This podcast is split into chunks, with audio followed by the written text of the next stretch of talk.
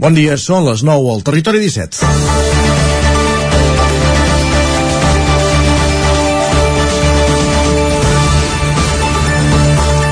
Dos instituts de Granollers participen avui a les 24 hores d'innovació de Barcelona. Es tracta d'una iniciativa del Departament d'Educació i es planteja com una marató de 24 hores centrada en la innovació. Les 24 empreses i institucions participants plantejaran un repte que els instituts participants, 18 dels quals de Catalunya i la resta de l'estat espanyol i altres punts d'Europa, hauran de resoldre. Els centres estaran oberts durant les 24 hores del dia, avui que dura la jornada. Els equips, formats entre 6 i 8 alumnes de diferents àmbits professionals, comptaran amb el suport d'entre dos i tres formadors que dinamitzaran els grups a través d'estratègies de design thinking, una metodologia de treball que té en compte les competències de cada integrant del grup. El, centre guanyador obtindrà un premi de 1.500 euros i els finalistes tindran accés a campaments d'innovació durant 3 dies. Sovint hem sentit dir que el món educatiu està allunyat de l'àmbit laboral, una tendència que es va corregint creant graus adequats a les necessitats de les empreses del territori, com pot ser el cas de la mecatrònica, Osona i el Ripollès. Iniciatives com aquesta també tenen aquest valor, que els alumnes treballin reptes reals que es poden trobar demà en l'àmbit professional. És dijous, 28 d'abril, comença el Territori 17 a la sintonia de Ràdio Cardedeu, la veu de Sant Joan, Ona Codinenca, Ràdio Vic, el 9 FM i el 9 TV. Territori 17, amb Isaac Moreno i Jordi Sunyer.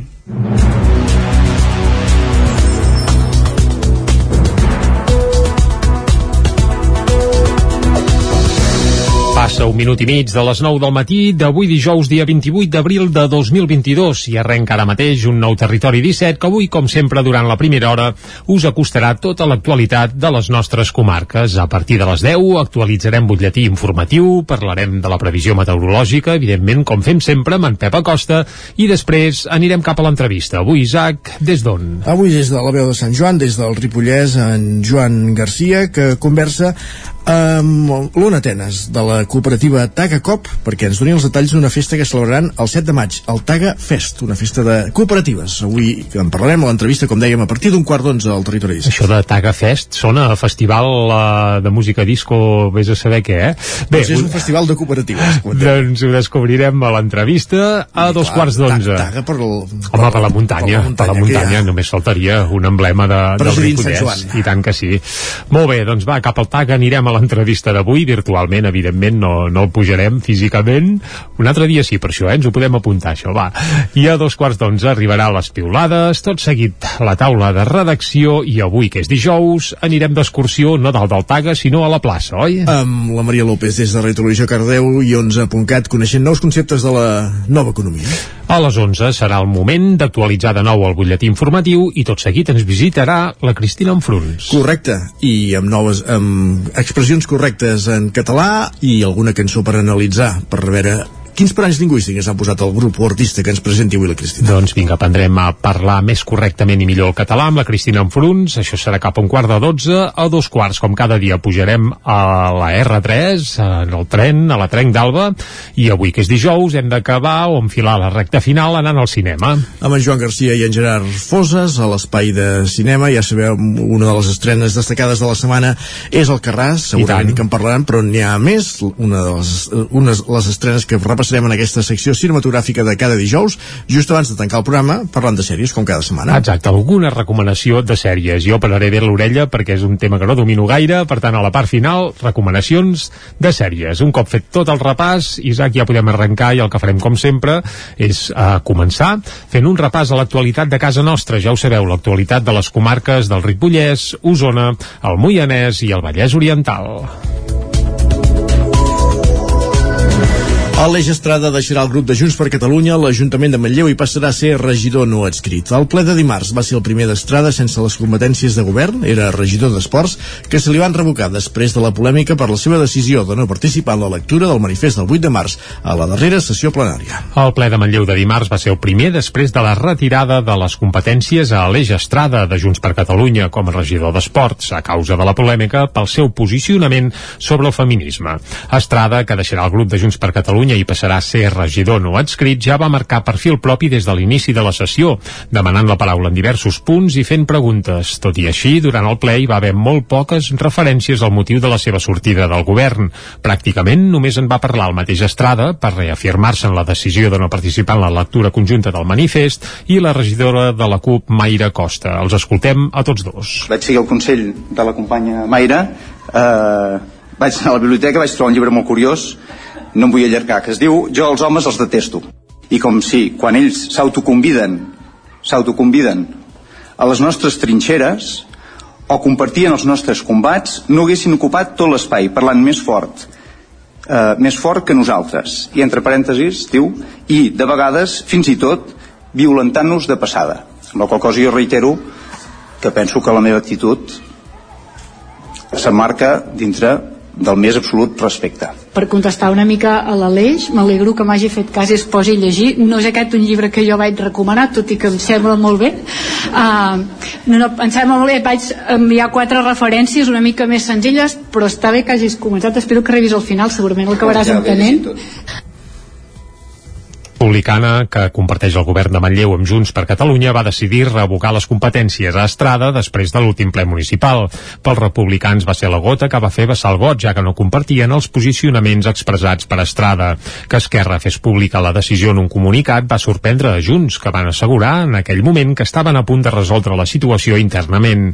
Militant del PDeCAT i amb un perfil més conservador que la resta de regidors de Junts, Estrada havia més puntualment vots diferenciats de l'equip de govern en temes temes com ara el lloguer d'habitatge o també quan es va aprovar el protocol municipal per a l'abordatge de les violències masclistes en l'oci nocturn i del ple de Manlleu a la Ripoll, on hi va haver una enganxada per la llengua en què cantaran els grups de música de la Festa Major de Sant Eudal. Joan Garcia, la veu de Sant Joan.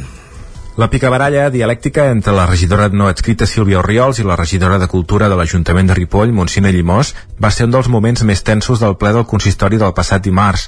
Tot va venir arran d'una pregunta d'Oriols en què demanava si era la comissió de festes qui triava els grups que formaran part del programa de la Festa Major de Sant Eudal i si l'Ajuntament hi tenia alguna capacitat de decisió.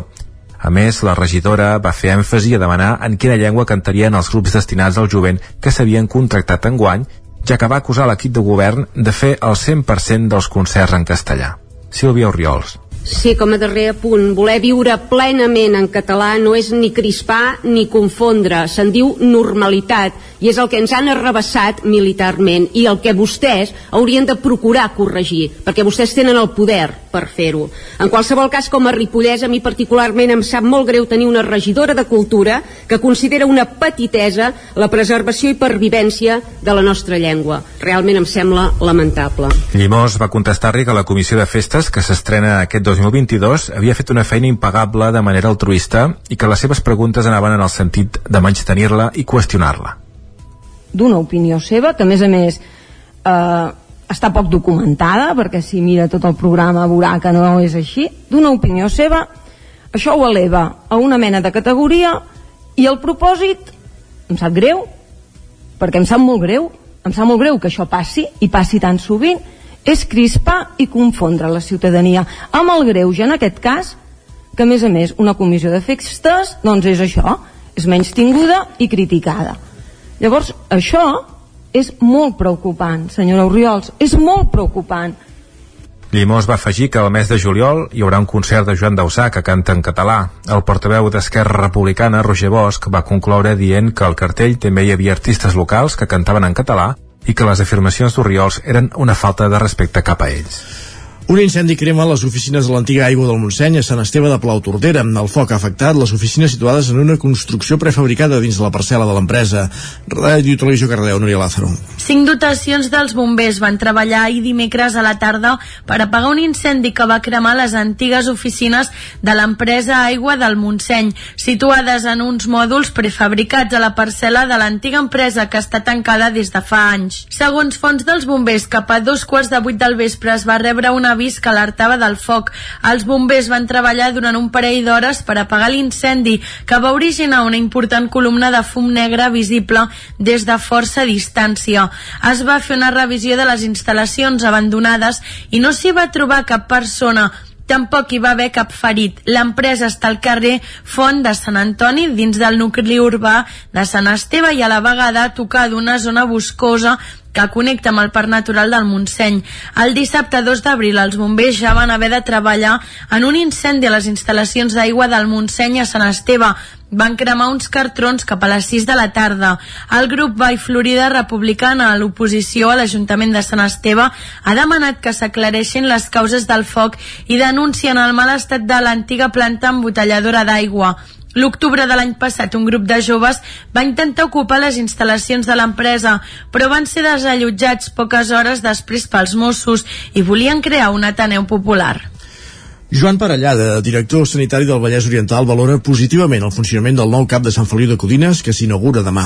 Ona Codinenca, que era el campàs. Després d'un mes de la posada en marxa del nou CAP de Sant Feliu de Codines, Joan Parellada, director del sector sanitari del Vallès Oriental, valorava molt positivament el funcionament del nou servei. Sentim-lo a l'acte de clausura dels 25 anys de les cures paliatives a la Fundació Santa Susana de Caldes de Montbui. I pel que fa al cap de Sant Feliu, eh, doncs eh, també fa unes setmanes que ja funciona, es va inaugurar el mes de març i, eh, bueno, inaugurar encara no, eh? es va posar en funcionament el mes de març i eh, nosaltres veiem que està funcionant bé la informació que en tinc tant per l'equip d'atenció primària com des de l'Ajuntament em diuen que està funcionant d'una manera correcta. Eh? Allà també va parlar sobre el CAP de Caldes de Montbui que recentment ha acabat les obres de reforma. Aquest edifici va iniciar unes modificacions d'actualització ja que era molt antic abans de l'inici de la pandèmia. En parlava en aquest sentit Joan Parellada. Eh, el que crec és que quan vam venir eh, a Caldes ja feia uns dies que funcionava aquest, aquest CAP i ha estat una evolució, mm, la, la del CAP de Caldes, llarga. Eh? Han estat unes obres que per les dificultats de fer les obres amb el CAP en funcionament eh, primer s'han allargat en el temps i segona han donat doncs, eh, diguéssim incomoditats a la ciutadania i als treballadors que un cop ens n'hem sortit doncs s'agreixen eh, molt, s'agreixen molt que tant uns com els altres doncs hagin superat aquesta fase. Parellada assistirà a la inauguració del nou cap de Sant Feliu de Codines que serà demà divendres a la una. I més qüestions per explicar-vos que la, encara a la pàgina de Salut, Catalunya hauria d'arribar a les 150.000 donacions anuals de plasma per ser autosuficient i no dependre de la compra d'altres països per obtenir les anomenades immunoglobulines. Aquestes proteïnes, que com la sang no es poden sintetitzar al laboratori, s'obtenen del plasma i són essencials per les persones que pateixen alguna immunodeficiència. Vic ha estat una de les seus d'una campanya de donació de plasma d'àmbit nacional que s'està fent aquesta setmana i que s'allarga fins aquest divendres. L'Andreu Muñoz ha decidit donar plasma per segona vegada a la seva vida. Destinar 45 minuts del seu dia a fer aquest gest pot suposar molt pels 1.500 malalts amb problemes de defenses que hi ha a Catalunya. Del plasma de l'Andreu se'n podran extreure les immunoglobines, unes proteïnes que protegeixen de les infeccions i que malauradament, com la sang, no es poden sintetitzar. Escoltem a l'Andreu Muñoz una vegada que estava donant sang a la feina em van identificar que per al grup de sanguini que tinc, que és AB positiu, podria ser un bon donant de plasma i aleshores doncs també eh, em van explicar una mica les funcions que tenia o les utilitats que tenia el plasma i això doncs em va animar i la veritat és que només suposa una miqueta més de temps. És molt reconfortant eh, el pensar que només dedicant una estona del teu temps no? doncs això pot tenir aplicacions i de fet sempre que ho he fet, que és una vegada, al, als pocs dies em va arribar ja un missatge dient que el meu plasma havia sigut utilitzat, per tant és, és molt necessari. Augmentar el nombre de donacions de plasma és clau per assegurar una bona qualitat de vida dels malalts que pateixen aquesta afectació. Ho explica Roser Vallès, que és responsable del projecte Plasma. És per això que és tan i tan important que fem donacions de plasma per poder extreure aquestes immunoglobulines per poder donar el tractament als nostres malalts. Avui per avui a Catalunya cobrim el 38% de les necessitats d'immunoglobulines que tenen els malalts a casa nostra. I la resta s'han de comprar a fora, principalment a països com Estats Units o Alemanya. En un context global d'incertesa i de caiguda de donacions, ser autosuficients en aquest àmbit seria clau. Enguany s'espera arribar a les 32.000 donacions. Vic ha estat una de les nou seus a Catalunya escollida per dur a terme una campanya de recollida de plasma, coincidint precisament amb la Setmana Mundial de les Immunodeficiències Primàries. Per donar plasma cal tenir entre 18 i 70 anys anys, pesar més de 50 quilos, trobar-se bé de salut i, en el cas de les dones, no estar embarassada. A diferència de donar sang, com que el plasma està format principalment per aigua, les donacions es poden fer cada 15 dies i fins a 24 vegades a l'any. Vic acollirà el 19 de maig el segon congrés sobre producció agrària ecològica de Catalunya. Actualment, la superfície ecològica de Catalunya representa el 10,5% de la de tot l'Estat. Vic acollirà el proper 19 de maig el segon Congrés Català de Producció Agroalimentària Ecològica de Catalunya. En aquest congrés culminarà el procés participatiu que el Departament d'Acció Climàtica, Alimentació i Agenda Rural està duent a terme entre ciutadania i empreses i entitats del sector de cara a elaborar el Pla d'Acció pel Desenvolupament de la Producció Ecològica 2023-2027. 2027. Durant l'any passat, la superfície de cultius ecològics va créixer un 12,2%, la ramaderia un 7,3% i l'agroindústria un 10,9%. L'any abans, el 2020, el sector ecològic havia crescut a Catalunya un 22,45% i va arribar als 1.000 milions de facturació. La superfície ecològica de Catalunya representa el 10,5% de la que hi ha a tot l'Estat.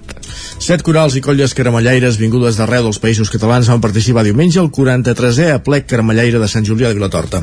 La jornada feia dos anys que no se suspenia per culpa de la Covid. L'any 1590 ja ho sentiu bé, eh? 1590 ja se sentien caramelles a Sant Julià de Vilatorta, una dada, una data volem dir que converteix el municipi en el bressol caramellaire de tot Catalunya. I una setmana després de recuperar les caramelles del Roser, Sant Julià es va retrobar amb la plec caramellaire de des després de dos anys d'absència per culpa de la pandèmia. Per l'escenari de la plaça Major hi van desfilar set colles d'arreu dels països catalans i la rebuda per part del públic va ser entusiasta. Així valora la plec, l'alcalde i també caramellaire de Sant Julià de Vilatorta, Joan Carles Rodríguez. Ara toca eh, eh, que doni la cara qui no l'ha donada mai en tot aquest procés, que és el patronat. El patronat de la Fundació Puig i Cunyer ha de una vegada teníem ganes de pujar a l'escenari i especialment de compartir amb totes aquestes colles que han vingut arreu de Catalunya eh, les caramelles. Les caramelles, aquesta tradició arreu dels països catalans. S'ha trobat molt a faltar, de veritat eh, i el nostre poble eh, està tan content avui que el visitin colles d'arreu dels països catalans que això ens emociona. I per tant jo crec, i ara ja ho podem dir perquè, perquè estem acabant mm, ha sigut una edició fantàstica. La gent en tenia moltes ganes, hi ha hagut molta festa, hi ha hagut cultura, hi ha hagut festa, hi ha hagut música, eh, això són les caramelles i això és la Pasqua a Sant Julià de la Torta. Escoltàvem a Joan Carles Rodríguez, que també és caramellaire i alcalde de Sant Julià. La plec es va tancar amb els cants dels caramellaires del Roser i amb satisfacció, ja que a la colla hi ha nous cantaires que n'asseguren el relleu generacional. Escoltem de nou a Joan Carles Rodríguez. Això és molt important, tenim planter, eh? I eh, deixa'm dir-te una, una anècdota personal. Jo vaig començar amb 15 anys a les caramelles i aquest any també comença amb 15 anys el meu fill a, a, a cantar-ne, a ser confrare del Roser. És fantàstic veure aquest planter i jo crec que és una cosa molt important a destacar en l'edició d'aquest any. Moltes vegades ens sembla que, que les caramelles és cosa de gent gran i no és veritat, no és veritat, és per totes les edats i a Sant Julià de la Torta queda clar que la tradició continuarà perquè veure gent, aquesta gent jove que s'hi apunta amb tant entusiasme i amb tanta il·lusió en els que ja són més grans, doncs la veritat és que també ens emociona. La plec, com ja és habitual, es va acabar amb un dinar de germanor amb totes les colles participants.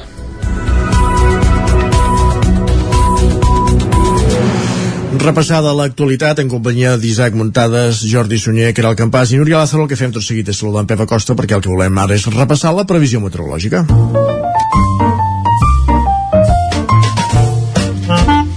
Casa Terradellos us ofereix el temps. Doncs vinga, la previsió meteorològica, que avui sembla que, no sé si vam novetats o no, en Pep ens va dir que eren dies de tranquil·litat, però li demanem de nou, va, saludem-lo, bon dia, Pep. Hola, bon dia. I molt bona hora. Ja estem aquí a l'espai del temps. I tant. Ens acostem ja al cap de setmana Uh -huh. i ho fem amb aquests vents de sud, eh, vents que deixen mala visibilitat, eh, vents que fan que la temperatura mínima sigui alta, superior als 10 graus a moltes poblacions, eh, no, no baixa la temperatura, hi ha una mica de matalàs eh, càlid que fa que la temperatura no pugui baixar. Eh? Eh, això eh, per culpa d'aquests vents de, de sud que són els protagonistes d'aquests últims dies. Eh, hi ha una mica de nemolositat, algun petit dibuixat cap al litoral, molt poqueta cosa, acompanyat de fang, i és que són aquests vents de sud que ens acompanyaran durant el dia d'avui. Tindrem aquest cel encanyinat, eh, una mica tapat, eh, però bueno, eh, molt poca pluja, eh? no, no, no plourà a cap de les nostres comarques. Les temperatures màximes suaus superiors eh, als 20 graus a moltes eh, poblacions, tot i això, la majoria entre els 18, 21, 22, eh, lògicament més baixes a les zones d'alta muntanya, a les nostres zones de l'increïble Pirineu que tenim a les nostres eh, comarques. Pel que fa al vent, eh, vents de, de sud, eh, bastant febles, no seran molt protagonistes a poc de bon tros. De moment un temps bastant pla, a l'espera, a partir del cap de setmana, de matins assolellats i de tardes de tempesta. Uh, serà el temps típic ja del mes de maig i de juny, uh, on al matí farà sol i a les tardes hi haurà tempesta, sobretot cap a les zones del Pirineu. Però bueno, demà ho anirem concretant una mica més, perquè ja dic, serà un cap de setmana amb els matins molt estables, però les tardes seran mogudes. Les primeres tempestes de la primavera eh, més generals eh, estaran aquí ja aquest cap de setmana. Una cosa que m'encanten, m'encanten les tempestes, per tant a tota la gent que li agradi estarà de bona a partir d'aquest cap de setmana. Moltes gràcies, adeu, bon dia. Vinga. Rahola, a qui li agraden les tempestes, eh? Home, uh, en Pepi ens ha quedat clar que li agraden. Per sí, tant, ell està claríssim. encantat de la vida si hi ha llamps i trons i pedregades. Uh, al cap de setmana, eh? I ens ho ha alertat. Per tant, això, serà qüestió d'estar alerta i paraigües a punt. Esperem que no sigui com el Sant Jordi de dissabte passat, per això el dissabte aquest que, que s'atansa I ja. si ho eh? és, que sigui al vespre. Uh, per O a exemple. nit. Va. Exacte. Vinga, fet aquesta ullada meteorològica, anem cap al quiosc, Isaac. va, cap allà que- Vinga, va, anem-hi. Casa Tarradellas us ha ofert aquest espai. A saber, els quioscos, què hi diuen les portades dels diaris que hi ha? Començant per del punt avui. Exacte, va, com sempre comencem pel punt avui. Titular principal és Tot s'hi val. A què fa referència? Doncs Margarita Robles justifica l'espionatge en nom de la integritat territorial. Per salvar la unitat d'Espanya, evidentment, tot s'hi val, segons la, el punt avui. Pere Aragonès se n'atipa i exigeix la destitució de la ministra de Defensa. La tensió creixerà al Congrés si Esquerra no avala el decret anticrisi de Sánchez. Això és el titular principal que apareix al punt avui. La fotografia, però, no és per aquesta, sinó per Montserrat. I diuen 75 anys il·luminant Catalunya, i és que l'entronització de la Moreneta es va fer el 1947, per tant fa 75 anys, tres quarts de segle, i diuen va ser el primer acte de reconciliació un cop acabada la guerra, i la fotografia és per ahir a la Basílica de Montserrat, on finalment, sense restriccions lligades a la Covid, doncs es va poder fer eh, la celebració de la Mare de Déu, del Dia de la Mare de Déu de Montserrat, amb aforament complet, amb els escolanets cantant el virulai, i vaja, tot un festival. Això a la portada del punt avui. Deixem el punt avui i anem ara cap a l'ara que titulen Aragonès demana la dimissió de Robles pel Catalan Gate. Aquest és el titular principal. La ministra de Defensa justifica l'espionatge a l'independentisme i provoca un terratrèmol polític. A part d'aquesta informació, a la portada de l'Ara també trobem una fotografia d'un, jo diria que és un camaleó, i diuen que el 20% de les espècies de rèptils estan en perill d'extinció. Serps, tortugues i cocodrils en situació molt vulnerable. A dins hi ha un parell de pàgines dedicades a, bé, a aquesta extinció d'espècies i sobretot de rèptils que es veu que ho tenen, anava a dir pelut no, perquè no tenen pèl, però vaja, o sí, bé, tant és, deixem-ho. Anem cap al periòdico i avui vull fer esment a una cosa. El periòdico, ja saps prou bé, Isaac, i sabeu, tota la gent que ens escolteu, que té una edició en espanyol, que és la típica, i després ho tradueixen al català i també hi ha una versió catalana. Doncs el titular català principal és Sánchez a cara o creu i dius, ostres, i la versió espanyola què diu? Doncs a la versió espanyola diuen Sánchez a tumba abierta seria un pèl diferent, però vaja, ells han optat per això. Ens centrem amb la catalana, aquest Sánchez a cara o creu, fa referència a la falta de reflexos amb el cas Pegasus posa en risc la legislatura. Això apunten a El Periódico. La votació del decret anticrisi deixa el president a la deriva entre el PP, Esquerra i Bildu. Uh, més informacions que apareixen a la portada del Periódico. La Unió Europea es conjura per proveir de gas Polònia i Bulgària a causa del tall rus. Recordem que ja vam informar que com que Polònia i Bulgària no pagaven en rubles, doncs Rússia els va tancar l'aixeta. I també hi ha una entrevista a una dona que està en guerra a Ucraïna i el titular és Volem que el món ens escolti i es veu aquesta noia ucraïnesa just davant d'un tanc eh, destrossat i en teoria és perquè bé, l'exèrcit ucraïnès doncs s'ha ventilat aquest tanc rus i s'ha fet una fotografia doncs aquesta noia doncs eh, amb un tanc fet eh, caldo al, al darrere. Va, anem cap a l'avantguàrdia, titular principal, el govern central cedeix per salvar el pla anticrisi i el tramita com a llei. Sánchez haurà d'assumir propostes de l'oposició per aprovar les mesures davant la negativa dels seus aliats a donar-li suport per l'espionatge. Uh, la fotografia és per la ministra de Defensa, Margarita Robles, que ahir tenia els mitjans de comunicació als passadissos del Congrés i justificava precisament tot l'espionatge perquè deia, bueno, si... Eh, no, no, suposo va sentir, eh? no, els passadissos eren seu, eren seu parlamentari directe. Sí, eren ple... el que passa, sí, el que passa després la fotografia sí que és als passadissos, eh? per això ara feia referència a aquesta i encara anava justificant, no, no, clar, si un tros del país s'independitzava, què havíem de fer, no? Bé, curiós. Uh, també a la portada de l'avantguàrdia, Ucraïna fa un pas més i llança diversos atacs dins del territori uh, rus i la Xina suspèn la venda de drons a Moscou i a Kiev. Això també apareix a la portada de l'avantguàrdia on també es fan referència que Algèria amenaça Espanya de tancar l'aixeta del gas si en subministra al Marroc embolica que fa fort amb el tema del gas. I Anem ara, també, també, anem ara cap a les portades que s'imprimeixen des de Madrid i comencem fent un cop d'ull al país. El govern cedeix, el govern espanyol, evidentment, i acceptarà esmenes per salvar el seu decret. L'altre titular principal és per Putin, que diuen desafia la Unió Europea amb un tall de gas que Brussel·les considera, entre cometes, un xantatge. Això a la portada del país. A la Razón, eh, qui cedeix, evidentment, sempre és Sánchez. Sánchez cedeix i admet canvis per salvar, per salvar, volem dir, el decret anticrisi. Aquest cop ho ha de fer, si no ho fan... Sí, bueno, si no es queda, es queda pelat, sí, sí, sí, sí. ras i curt. Uh, també Argèlia amenaça a l'estat espanyol amb tallar el subministrament de gas i, uh, atenció, la, el, el proper Nadal ja no hi haurà joguines associades al blau i rosa de nens i nenes. Au, va. Això ho diuen a la portada de la Razón i sembla que els dolgui una mica, eh? Uh, acabem ràpidament. A l'ABC, el protagonista és... cert, eh? Sí, sí, sí, Puigdemont, Puigdemont pressiona perquè Brussel·les investigui Espanya, això a l'ABC, i a El Mundo, Esquerra Republicana, exprimeix el xantatge a Sánchez i demana cessar a Margarita Robles. Dit això, fem una pausa i tornem d'aquí 3 minuts. El nou FM, la ràdio de casa, al 92.8. El racó de León ja és primavera. Gaudeix de la nostra terrassa. Vine a tastar les xuletilles de lechal a la brasa amb una bona amanida o el xuletón de vedella gallega. No et pots perdre el nostre lechado de Castilla al forn o el cochinillo a l'estil de Segovia. Tot acompanyat del millor celler, al menjador o fora la terrassa. Descobreix la millor cuina de Lleó sense moure't de casa. Vine amb la família, els amics, la parella o sol. T'encantarà. El racó de León, cuina tradicional lleonesa i de mercat. Som al carrer Torelló número 35 de Vic. Per reserves, telèfon 93 889 1950. El racó de León, una cuina diferent.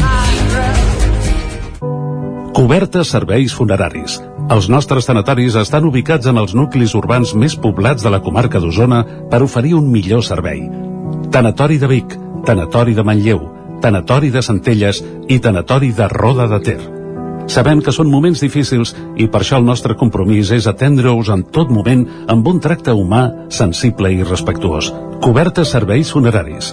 Telèfon 24 hores 93 883 23 46. A la Clínica Dental Sant Fortià hi trobareu un equip professional que treballa de manera coordinada per oferir un tracte sensible i humà. Estem preparats per qualsevol urgència dental i oferim accions preventives per la tercera edat i els infants. El doctor Ramon Garcia, implantòleg de Barcelona, fa 10 anys que visita Torelló. Clínica Dental Sant Fortià. Ens trobareu a la plaça Sant Fortià número 9 de Torelló al 93 859 6408 i al 690 92 51 99. El nou FM, la ràdio de casa, al 92.8. Anuncia't al 9FM. La màquina de casa. 9 3 8 8 9 4 9 4 9. Publicitat arroba al 9FM.cat. Anuncia't al 9FM. La publicitat més eficaç. Cocodril Club. Si t'agrada la bona música dels anys 60, 70 i 80, escolta el 9 FM als matins de dissabtes i diumenges d'11 a 1. És el temps del Cocodril Club, tot un clàssic de la ràdio, amb les bases del pop-rock, les llegendes, les cançons que s'han convertit en autèntics himnes. Recorda, dissabtes i diumenges al matí, d'11 a 1, al 9 FM 92.8. Cocodril Club. El programa revival de l'Albert Malla. Hasta luego, cocodrilo. El 9 FM, la ràdio de casa, al 92.8.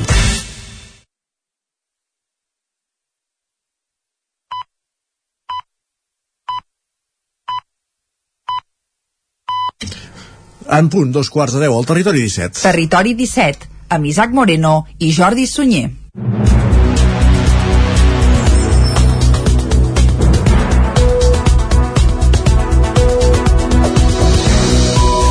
I a dos quarts de deu en punt, de seguida el que farem és acostar-vos de nou tota l'actualitat de les nostres comarques. Ja ho sabeu, les comarques del Ripollès, Osona, el Vallès Oriental i el Moianès. Abans, però, us avancem ja tots els continguts que tindrem fins al punt de les 12 del migdia. Una mica abans de les 10 i posarem música, com cada dia, i avui estrena mundial, eh? Alerta. Alerta. I a més és un tro, jo l'he escoltat i és espectacular. Una cançó brutal, es titula Que no s'acabi mai, i va, donem alguna pista perquè algú vagi esmolant l'enginy aviam si sap de qui és Van anar al Brasil i van tornar amb un disc en bicicleta. correcte, molt bé uh, Tachan Tachan, un d'ells és un ex charango, Bé. ara, ara tots són ex charangos uh, no Però, dia... però aquest ho era abans que els altres. Va, i la base d'operacions la tenen a Manlleu i a més a més aquesta cançó l'han enregistrat l'estudi que tenen a casa seva és la primera vegada que ho fan perquè abans sempre anaven a estudis externs, ara s'han muntat un estudi Quilòmetre a casa, zero. quilòmetre zero i han enregistrat un single que estrenarem a Territori 17 just abans de les 10 va, no diem res més, molta gent suposem que ja sabem ja saben ja. per on van els trets, eh? no hem dit el, el nom de, de la banda encara, diguem-ne, eh? o dels dos membres bé, tant és, deixem-ho aquí Deixem-ho aquí. va, abans de les 10 el que haurem de descobrir-ho tot plegat. Va, a les 10 actualitzarem butlletí informatiu, tot seguit arribarà l'entrevista. Avui anirem cap a la veu de Sant Joan, oi? Exacte, en Joan Garcia conversa amb l'Ona Tanés de la, de la cooperativa cooperativa Tagacop en aquest cas per parlar del Tagafest, el festival de cooperatives que organitza aquesta mateixa cooperativa i que es farà el 7 de maig a Sant Joan. Fantàstic, n'estarem al, al cas. A dos quarts d'onze serà el moment de les piulades, tot seguit passarem per la taula de redacció i després anirem a la plaça. Amb la Maria López i 11.cat per parlar de nous aspectes lligats a la nova economia. A les 11 serà el moment d'actualitzar de nou el butlletí informatiu i tot seguit qui ens visitarà, com fa quinzenalment, aquí a Territori 17, és la Cristina Enfruns. Exacte, per ensenyar-nos a parlar millor el català, ens farà recomanacions lingüístiques i repassarem alguna cançó a veure què, què, què hi trobem. Ah, fantàstic. A dos quarts de dotze, com cada dia, pujarem a la R3, a la Trenc d'Alba, ara amb horaris eh, més o menys consolidats, quan no hi ha retards, i després, com que és dijous, ens tocarà anar al cinema. Amb en Joan Garcia i en Gerard Fosses des de la veu de Sant Joan repassant la cartellera, les estrenes de la setmana, entre elles El Carràs, parlarem també d'altres pel·lícules, i a la recta final del programa parlarem també de sèries. Algunes recomanacions de l'equip del programa. Doncs vinga, ara que ja hem repassat tot el menú, des d'ara i fins a les 12, el que ens toca és, com sempre, parlar d'actualitat i acostar-vos la informació de casa nostra, de casa vostra, ja ho sabeu, l'actualitat de les comarques del Ripollès, Osona, el Moianès i el Vallès Oriental. Aleix Estrada deixarà el grup de Junts per Catalunya a l'Ajuntament de Manlleu i passarà a ser regidor no adscrit. El ple de dimarts va ser el primer d'Estrada sense les competències de govern, era regidor d'Esports, que se li van revocar després de la polèmica per la seva decisió de no participar en la lectura del manifest del 8 de març a la darrera sessió plenària. El ple de Manlleu de dimarts va ser el primer després de la retirada de les competències a Aleix Estrada de Junts per Catalunya com a regidor d'Esports a causa de la polèmica pel seu posicionament sobre el feminisme. Estrada, que deixarà el grup de Junts per Catalunya i passarà a ser regidor no adscrit, ja va marcar perfil propi des de l'inici de la sessió, demanant la paraula en diversos punts i fent preguntes. Tot i així, durant el ple hi va haver molt poques referències al motiu de la seva sortida del govern. Pràcticament només en va parlar el mateix Estrada per reafirmar-se en la decisió de no participar en la lectura conjunta del manifest i la regidora de la CUP, Mayra Costa. Els escoltem a tots dos. Vaig seguir el consell de la companya Mayra, eh, vaig anar a la biblioteca, vaig trobar un llibre molt curiós, no em vull allargar, que es diu Jo els homes els detesto. I com si, quan ells s'autoconviden, s'autoconviden a les nostres trinxeres, o compartien els nostres combats, no haguessin ocupat tot l'espai, parlant més fort, eh, més fort que nosaltres. I entre parèntesis, diu, i de vegades, fins i tot, violentant-nos de passada.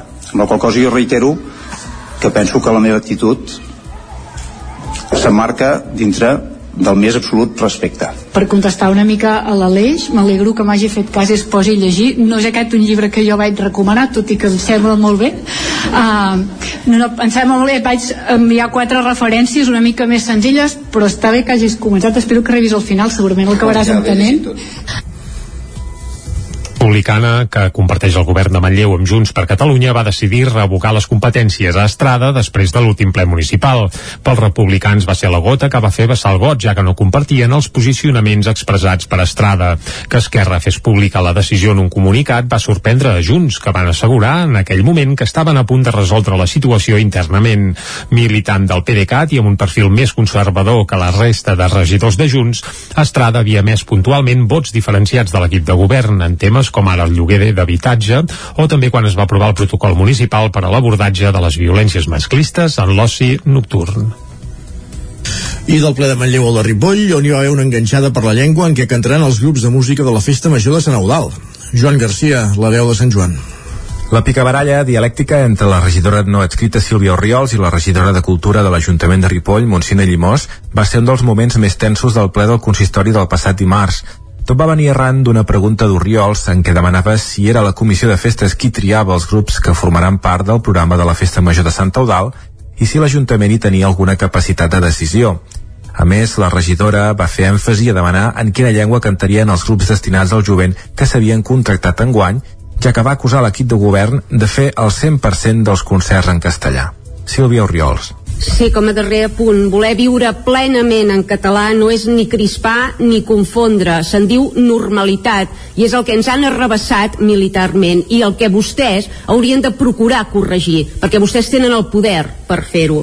En qualsevol cas, com a ripollès, a mi particularment em sap molt greu tenir una regidora de cultura que considera una petitesa la preservació i pervivència de la nostra llengua. Realment em sembla lamentable. Llimós va contestar-li que la comissió de festes, que s'estrena aquest 2022 havia fet una feina impagable de manera altruista i que les seves preguntes anaven en el sentit de menys tenir-la i qüestionar-la.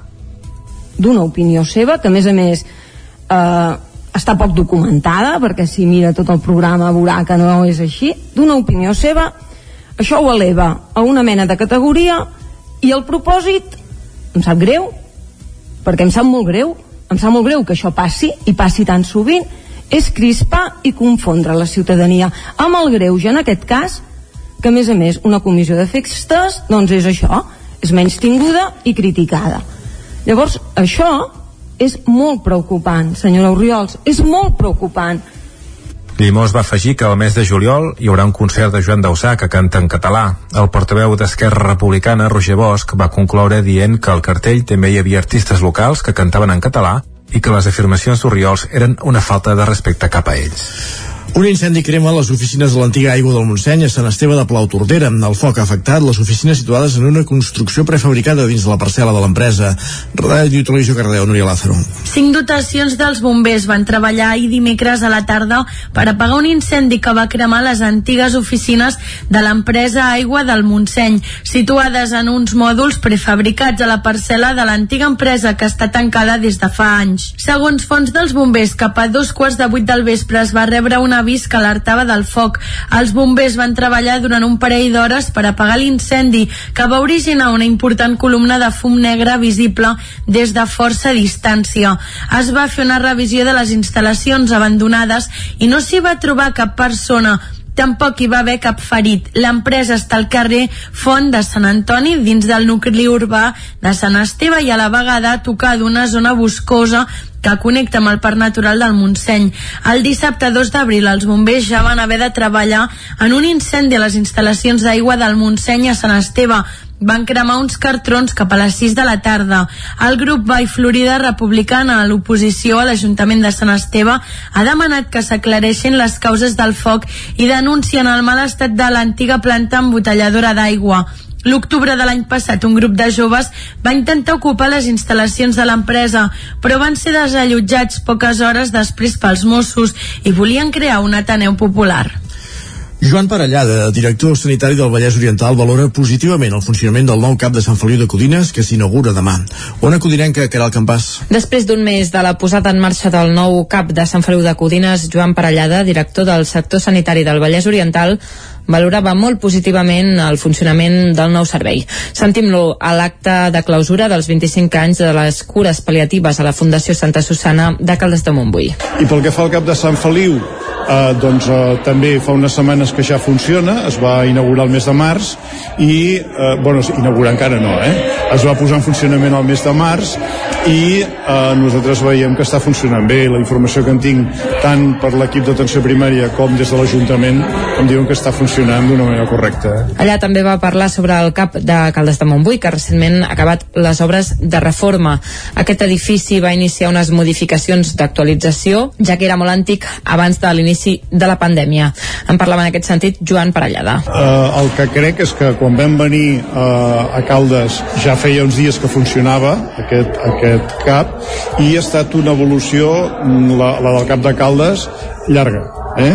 Han estat unes obres que per les dificultats de fer les obres amb el CAP en funcionament eh, primer s'han allargat en el temps i segona han donat doncs, eh, diguéssim incomoditats a la ciutadania i als treballadors que un cop ens n'hem sortit doncs s'agreixen eh, molt, s'agreixen molt que tant uns com els altres doncs hagin superat aquesta fase. Parellada assistirà a la inauguració del nou cap de Sant Feliu de Codines que serà demà divendres a la una.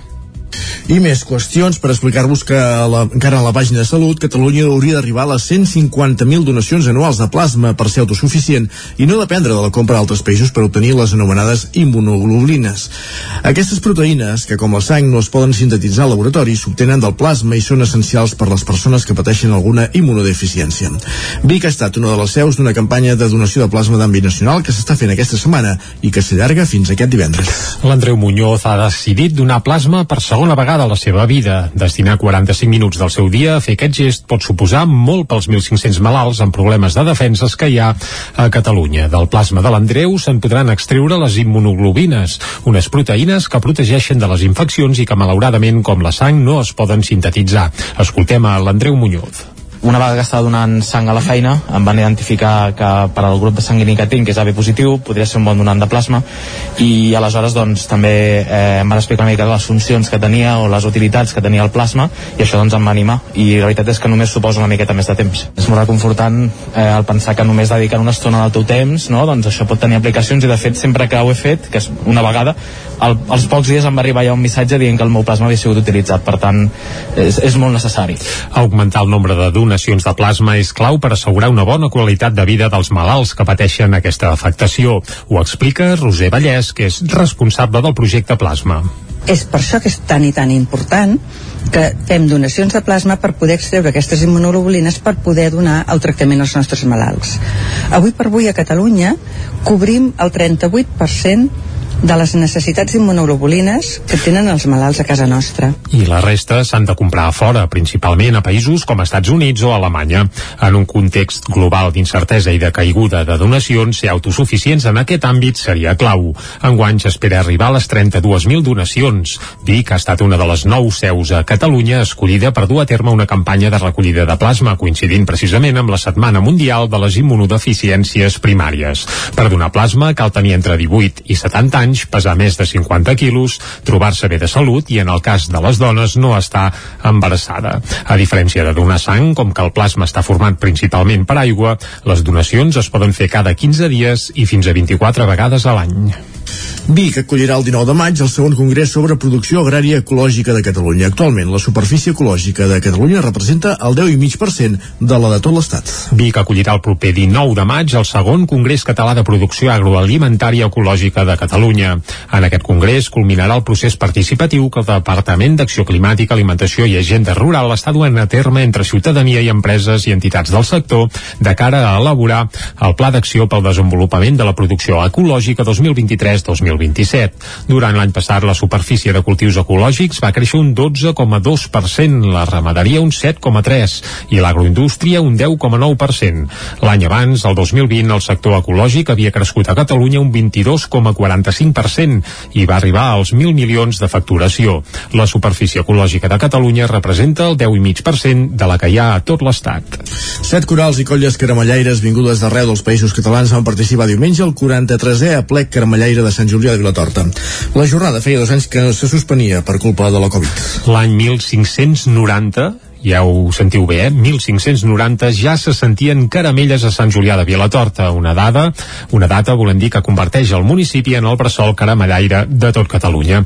I una setmana després de recuperar les caramelles del Roser, Sant Julià es va retrobar amb la plec caramellaire de des després de dos anys d'absència per culpa de la pandèmia. Per l'escenari de la plaça Major hi van desfilar set colles d'arreu dels països catalans i la rebuda per part del públic va ser entusiasta. Així valora la plec, l'alcalde i també caramellaire de Sant Julià de Vilatorta, Joan Carles Rodríguez. Teníem ganes de pujar a l'escenari i especialment de compartir amb totes aquestes colles que han vingut arreu de Catalunya eh, les caramelles. Les caramelles, aquesta tradició arreu dels països catalans. S'ha trobat molt a faltar, de veritat, eh, i el nostre poble eh, està tan content avui que el visitin colles d'arreu dels països catalans que això ens emociona. I per tant, jo crec, i ara ja ho podem dir perquè, perquè estem acabant, mm, ha sigut una edició fantàstica la gent en tenia moltes ganes, hi ha hagut molta festa, hi ha hagut cultura, hi ha hagut festa, hi ha hagut música, eh, això són les caramelles i això és la Pasqua a Sant Julià de la Torta. Escoltàvem a Joan Carles Rodríguez, que també és caramellaire i alcalde de Sant Julià. La plec es va tancar amb els cants dels caramellaires del Roser i amb satisfacció, ja que a la colla hi ha nous cantaires que n'asseguren el relleu generacional. Escoltem de nou a Joan Carles Rodríguez. Això és molt important, tenim planter, eh? I eh, deixa'm dir-te una, una anècdota personal. Jo vaig començar amb 15 anys a les caramelles i aquest any també comença amb 15 anys el meu fill a, a, a cantar-ne, ser confrare del Roser. És fantàstic veure aquest planter i jo crec que és una cosa molt important a destacar en l'edició d'aquest any. Moltes vegades ens sembla que, que les caramelles és cosa de gent gran i no és veritat, no és veritat, és per totes les edats i a Sant Julià de la Torta queda clar que la tradició continuarà perquè veure gent, aquesta gent jove que s'hi apunta amb tant entusiasme i amb tanta il·lusió en els que ja són més grans, doncs la veritat és que també ens emociona. La plec, com ja és habitual, es va acabar amb un dinar de germanor amb totes les colles participants.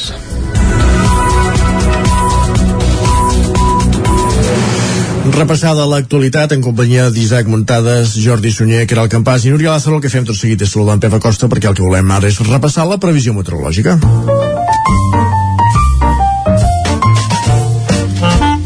Casa Terradellos us ofereix el temps. Doncs vinga, la previsió meteorològica, que avui sembla que, no sé si vam novetats o no, en Pep ens va dir que eren dies de tranquil·litat, però li demanem de nou, va, saludem-lo, bon dia, Pep. Hola, bon dia. I molt bona hora. Ja estem aquí a l'espai del temps. I tant.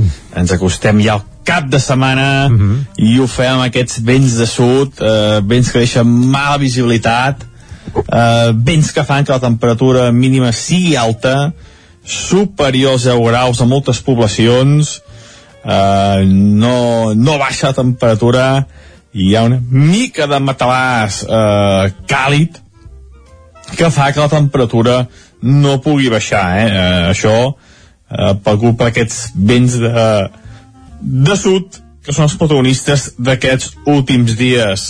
Eh, hi ha una mica de nebulositat, algun petit bruixat amb el litoral, molt poqueta cosa, acompanyat de fang, i és que són aquests vents de sud que ens acompanyaran durant el dia d'avui. Tindrem aquest cel entrenyinat, eh, una mica tapat, Uh, però bueno, uh, molt poca pluja, eh? no, no, no plourà a cap de les nostres comarques. Les temperatures màximes suaus superiors uh, als 20 graus a moltes uh, poblacions, tot i això, la majoria entre els 18, 21, 22, uh, lògicament més baixes a les zones d'alta muntanya, a les nostres zones de l'increïble Pirineu que tenim a les nostres eh, comarques. Pel que fa al vent, eh, vents de, de sud, eh, bastant febles, no seran molt protagonistes a poc de bon tros. De moment un temps bastant pla a l'espera, a partir del cap de setmana, de matins assolellats i de tardes de tempesta. Uh, serà el temps típic ja del mes de maig i de juny, uh, on al matí farà sol i a les tardes hi haurà tempesta, sobretot cap a les zones del Pirineu. Però bueno, demà ho anirem concretant una mica més, perquè ja dic, serà un cap de setmana amb els matins molt estables, però les tardes seran mogudes. Les primeres tempestes de la primavera eh, més generals eh, estaran aquí ja aquest cap de setmana. Una cosa que m'encanten, m'encanten les tempestes, per tant, a tota la gent que li agradi, estarà la bona partir d'aquest cap de setmana. Moltes gràcies, adeu, bon dia.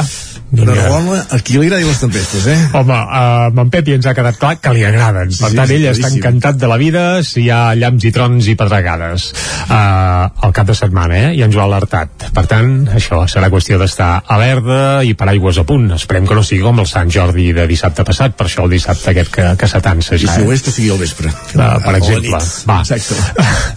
Vinga, fet aquesta ullada meteorològica, anem cap al quiosc, Isaac. va, cap allà que anem. Vinga, va, anem-hi. Casa Tarradellas us ha ofert aquest espai. A saber, els quioscos, què hi diuen les portades dels diaris que hi ha? Començant per del punt avui. Exacte, va, com sempre comencem pel punt avui. Titular principal és Tot s'hi val. A què fa referència? Doncs Margarita Robles justifica l'espionatge en nom de la integritat territorial. Per salvar la unitat d'Espanya, evidentment, tot s'hi val, segons la, el punt avui. Pere Aragonès se n'atipa i exigeix la destitució de la ministra de Defensa. La tensió creixerà al Congrés si Esquerra no avala el decret anticrisi de Sánchez. Això és el titular principal que apareix al punt avui. La fotografia, però, no és per aquesta, sinó per Montserrat. I diuen 75 anys il·luminant Catalunya, i és que l'entronització de la Moreneta es va fer el 1947, per tant fa 75 anys, tres quarts de segle, i diuen va ser el primer acte de reconciliació un cop acabada la guerra, i la fotografia és per ahir a la Basílica de Montserrat, on finalment, sense restriccions lligades a la Covid, doncs es va poder fer eh, la celebració de la Mare de Déu, del Dia de la Mare de Déu de Montserrat, amb aforament complet, amb els escolanets cantant el Virulai, i vaja, tot un festival. Això a la portada del punt avui. Deixem el punt avui i anem ara cap a l'ara, que titulen Aragonès demana la dimissió de Robles pel Catalan Gate. Aquest és el titular principal. La ministra de Defensa justifica l'espionatge a l'independentisme i provoca un terratrèmol polític. A part d'aquesta informació, a la portada de l'Ara també trobem una fotografia d'un, jo diria que és un camaleó, i diuen que el 20% de les espècies de rèptils estan en perill d'extinció. Serps, tortugues i cocodrils en situació molt vulnerable. A dins hi ha un parell de pàgines dedicades a, bé, a aquesta extinció d'espècies i sobretot de rèptils que es veu que ho tenen, anava a dir pelut no, perquè no tenen pèl, però vaja, o sí, bé, tant és, deixem-ho. Anem cap al periòdico i avui vull fer esment a una cosa. El periòdico ja saps prou bé, Isaac, i sabeu tota la gent que ens escolteu que té una edició en espanyol, que és la típica, i després ho tradueixen al català i també hi ha una versió catalana. Doncs el titular català principal és Sánchez a cara o creu i dius, ostres, i la versió espanyola què diu? Doncs a la versió espanyola diuen Sánchez a tumba abierta. Mm, seria un pèl diferent però vaja, ells han optat per això. Ens centrem amb la catalana. Aquest Sánchez a cara o creu fa referència a la falta de reflexos amb el cas Pegasus posa en risc la legislatura. Això apunten a El Periódico. La votació del decret anticrisi deixa el president a la deriva entre el PP, Esquerra i Bildu. Uh, més informacions que apareixen a la portada del periòdico, la Unió Europea es conjura per proveir de gas Polònia i Bulgària a causa del tall rus. Recordem que ja vam informar que com que Polònia i Bulgària no pagaven en rubles, doncs Rússia els va tancar l'aixeta. I també hi ha una entrevista a una dona que està en guerra a Ucraïna i el titular és Volem que el món ens escolti i es veu aquesta noia ucraïnesa just davant d'un tanc eh, destrossat i en teoria és perquè bé, l'exèrcit ucraïnès doncs s'ha ventilat aquest tanc rus i s'ha fet una fotografia doncs aquesta noia doncs eh, amb un tanc fet eh, cal dur al, al darrere. Va, anem cap a l'avantguàrdia, titular principal, el govern central cedeix per salvar el pla anticrisi i el tramita com a llei.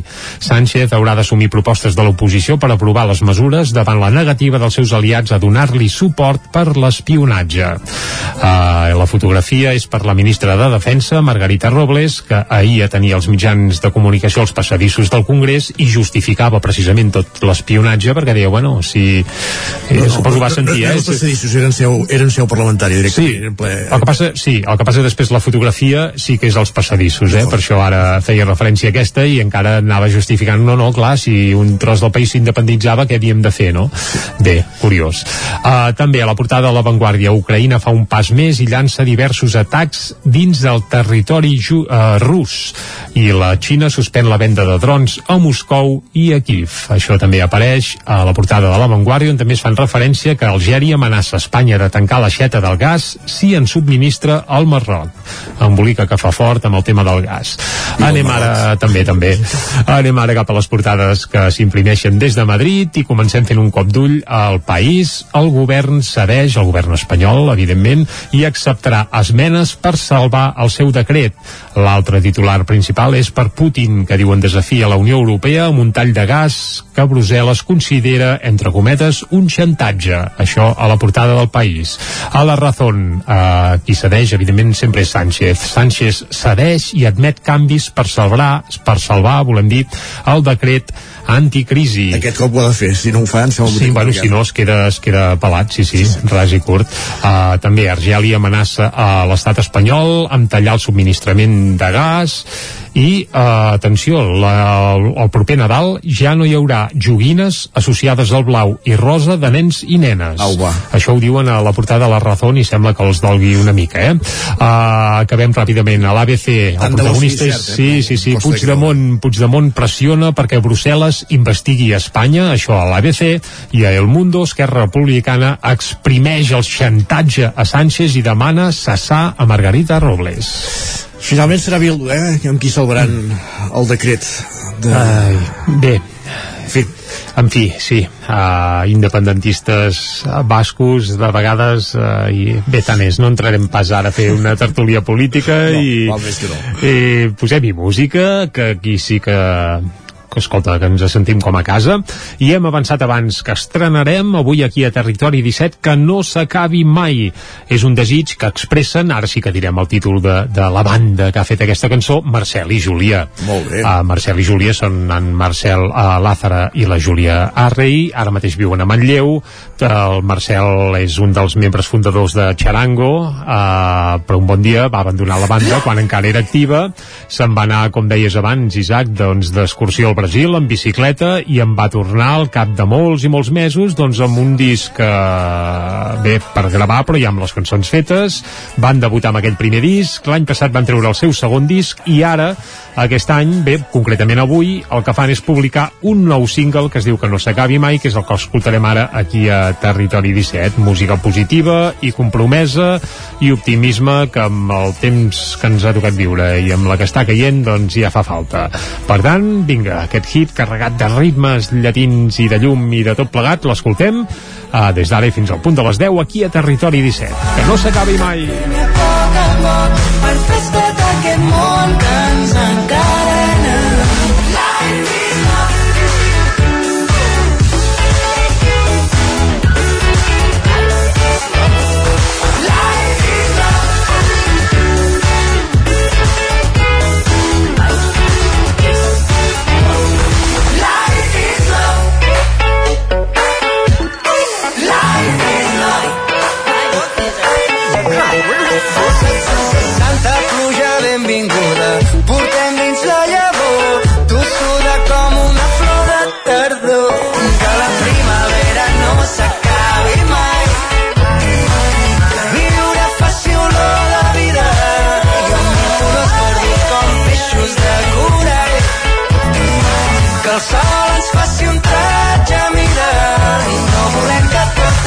tot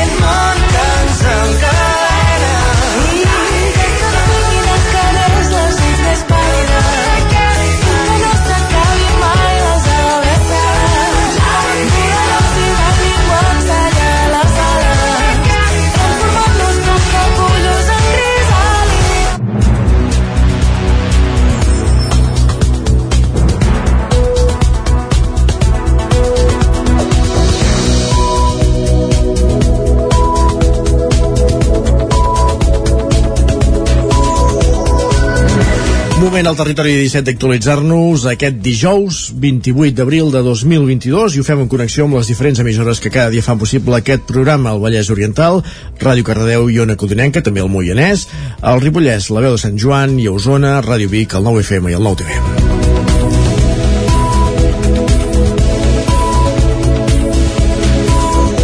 La comunitat educativa de l'Escola El Roser de Sant Julià de Vilatorta celebra de, valent l'anunci que no tancarà el centre el curs vinent. Ara falta saber qui assumirà la titularitat de l'escola, amb quin projecte educatiu i quina viabilitat econòmica tindrà. La Fundació Privada Puig i Cunyer va retirar dimarts l'expedient de tancament del centre i ahir dimecres va ser dia de celebració. Els dies de lluita dels professionals de l'escola i de l'Associació de Famílies d'Alumnes sembla que han tingut recompensa, així ho expressava Montse Sans, vicepresidenta de l'AFA del Col·legi El Roser molt contents perquè després de tots els esforços de les lluites ha estat molt desgastador. Doncs ho hem aconseguit. Ha estat una lluita més gran per segons qui o sigui, hi han lluitat més uns que altres uh, però el en que... moments ens hem vist molt sols. Exacte. Molt però sols. el que està molt bé és que almenys eh, quan dones tot el que pots lluites fins al final eh, tant si hagués tancat com si hagués obert eh, nosaltres haguéssim pogut dormir tranquils a la nit A partir d'ara tocarà definir altres qüestions per garantir el futur pedagògic i també econòmic del Roser, del qual de moment encara no se'n coneixen els detalls. A les aules, però, ahir la notícia del no tancament de l'escola era l'únic motiu de conversa. Fins i tot els alumnes de quart d'ESO, que l'any que ve ja no seran al centre, perquè, bé, perquè són, seran massa grans ja, s'alegraven que el col·legi finalment no tanqui portes. Escoltem els alumnes de quart, Júlia Illamola i Joan Riera. Nosaltres encara que marxéssim pues, ens hagués agradat pues, per no tornar aquí l'any que ve o fins i tot el, el meu germà per exemple que és una fa, que fa sisè doncs eh, pues, és molt millor que ell hagués continuat aquí a l'escola que no hagués hagut de marxar a un altre per exemple, a Folgueroles o Callatenes que hi hagi gent que tingui la mateixa oportunitat que hem tingut nosaltres i que pugui créixer aquí que està bé El Col·legi El Roser de Sant Julià celebrarà una jornada de portes obertes el proper dia 28 de maig amb una arrossada popular oberta a tothom. I qui també ha volgut valorar l'anunci de la suspensió del tancament ha estat l'Ajuntament de Sant Julià de la Torta per boca del seu alcalde. L'alcalde Joan Carles Rodríguez, que abans escoltàvem fent de caramellaire, va convocar ahir una roda de premsa on va exposar que d'entrada és una bona notícia i que dona bones perspectives pel curs 2022-2023 a Sant Julià. Des del consistori, però, van remarcar que no entenen prou amb l'anunci fet que l'escola no tanca, sinó que creuen que la Fundació Privada Puig i Cunyer ha de demostrar amb fets la voluntat que el centre continuï obert a partir del mes de setembre. Escoltem a l'alcalde Joan Carles Rodríguez. Ara toca eh, eh, que doni la cara qui no l'ha donada mai en tot aquest procés, que és el patronat. El patronat de la Fundació Puig i Cunyer ha de donar la cara i ha d'explicar quin pla tenen pel curs que ve per obrir. Perquè llavors sí que veurem que aquesta voluntat és ferma i després sí que podrem dir amb veu alta i contents que el Col·legi El Roser obre les seves portes al curs 2022-2023 quelcom pel que ha treballat molt intensament tota la comunitat educativa des de que sobtadament el patronat i només amb una carta va anunciar el tancament l'1 de març quan a més a més hi havia tota la comunitat educativa hi havia la plantilla de mestres doncs, eh, preparant les portes obertes que havien de tenir lloc aquell dissabte Ara bé, l'alcalde també va deixar clar que si el curs vinent el Roser no acaba obrint, l'Ajuntament prendrà mesures, que, vaja, les mesures que cregui oportunes i que denunciarà el fet al Protectorat de Fundacions que depèn del Departament de Justícia de la Generalitat. Més qüestions, Sant Antoni de Vilamajor recull 227 propostes pels pressupostos participatius. L'Ajuntament destinarà 150.000 euros a les accions que decideixi la ciutadania. Ràdio Televisió Cardedeu, Núria Lázaro. El procés de pressupostos participatius de Sant Antoni de Vilamajor, que va acabar el dia 3 d'abril, ha recollit 227 propostes, de les quals 203 rebudes en línia a través de la pàgina web i 24 en butlletes físiques. L'any passat se'n van presentar 220. L'Ajuntament destina 150.000 euros del pressupost municipal a executar les propostes guanyadores. Ara ja ha començat la segona fase en la qual els tècnics municipals analitzaran totes les propostes per elaborar la llista final amb les propostes vàlides. Un cop finalitzada aquesta fase, es farà el taller Top 10 entre els mesos de juliol i setembre que consistirà en la jornada participativa per seleccionar els projectes que passaran a la votació final. Per la seva part, l'Ajuntament de Sant Pere de Vilamajor va encetar el procés dels seus pressupostos participatius el 21 de març. Fins al 31 de maig es podran presentar les propostes d'inversions que es validaran i es podran votar entre el 5 de setembre i el 31 d'octubre. El projecte guanyador s'inclourà en el pressupost del 2023 amb una dotació de 40.000 euros. La Biblioteca de Sant Feliu de Codina celebra el 15è aniversari amb un recital de poesia al pati de Can Buixó, que era el campàs, zona codinenca. Aquest passat dijous, la Biblioteca Joan Petit i Aguilar va celebrar l'acte central del 15è aniversari de l'Espai amb l'espectacle poètic La Petit, 15 anys, 15 poemes. L'acte, que va anar a càrrec de l'entitat Mots pel 21, va ser un recital de poesia durant el que es van llegir 15 poemes. D'entre tots els autors que es van recitar hi havia Pablo Neruda, Mario Benedetti o Charles Baudelaire, entre d'altres. També es va fer públic el veredicte del concurs de punts de llibre infantil. Al final de l'acte, Pilar Garcia, directora de la biblioteca, valorava així l'esdeveniment. Bueno, aquest acte ha sigut el començament i bueno, penso que ha sigut una, una meravella, no? Quan els ascens en els mots del 21 se posa la, la pell de gallina i penso que és un bon començament. Com he explicat al principi, el, els 15 anys els celebrarem durant tot l'any i espero que la resta de coses que estem preparant però que de moment les tenim en silenci perquè siguin sorpresa també us agradin a tots. La Biblioteca Municipal de Sant Feliu de Codines es va inaugurar l'any 2007 sota el nom de doctor Joan Petit i Aguilar. El doctor va ser membre d'una nissaga de vuit generacions de metges codinencs i va combinar la feina de metge al municipi amb l'escriptura i la redacció de la gramàtica catalana editada el 1998 per l'Institut d'Estudis Catalans. I encara en l'àmbit bibliogràfic, Enric Godó, de Call d'Atenes, ha presentat el seu segon llibre, El poder de les formigues, que ha publicat amb l'editorial Bigatana Ser Trencada. La presentació es va fer coincidir amb el dia de Sant Jordi amb una posada en escena teatralitzada. Després de debutar com a novel·lista l'any passat amb 39 dies per salvar el món, publicat per Pagès Editors, Enric Godó ha tret un nou llibre coincidint també amb Sant Jordi. Es titula El poder de les formigues i aquesta vegada l'ha publicat amb l'editorial Bigatana Ser Trencada Edicions. La ciència-ficció, però en escenaris i en personatges reals i l'humor són elements destacats de la història que se situa a l'any 2009, quan un asteroide va ser notícia pel possible perill que impactés amb la Terra. Ho explica el seu autor, Enric Godó. Com tots els llibres que jo escric, aprofito situacions reals, aprofito personatges que coneixem, indrets i els transverso, no? En aquest cas, um, tot va començar tot va començar el 2009, de fet, no? En part d'aquest llibre, eh, ja que um, es va crear un sistema de control meteorològic en, en l'Àrtic i a partir d'aquí comencen a passar moltes coses. El bateig d'aquest segon llibre de l'autor de Call d'Atenes, com també va passar amb el primer, es va fer de manera teatralitzada amb una posada en escena força, força esbojarrada. Escoltem Enric Godó. És un llibre d'humor, per tant, ha de ser també d'una mena humorística, no? Que no es faci passar. Hi ha moltes vegades que les presentacions doncs, es fan farragoses i aleshores jo tinc la sort de comptar amb, amb una gent que fa teatre i que es presten, no? I aleshores els hi escric tres escenes i ells les interpreten.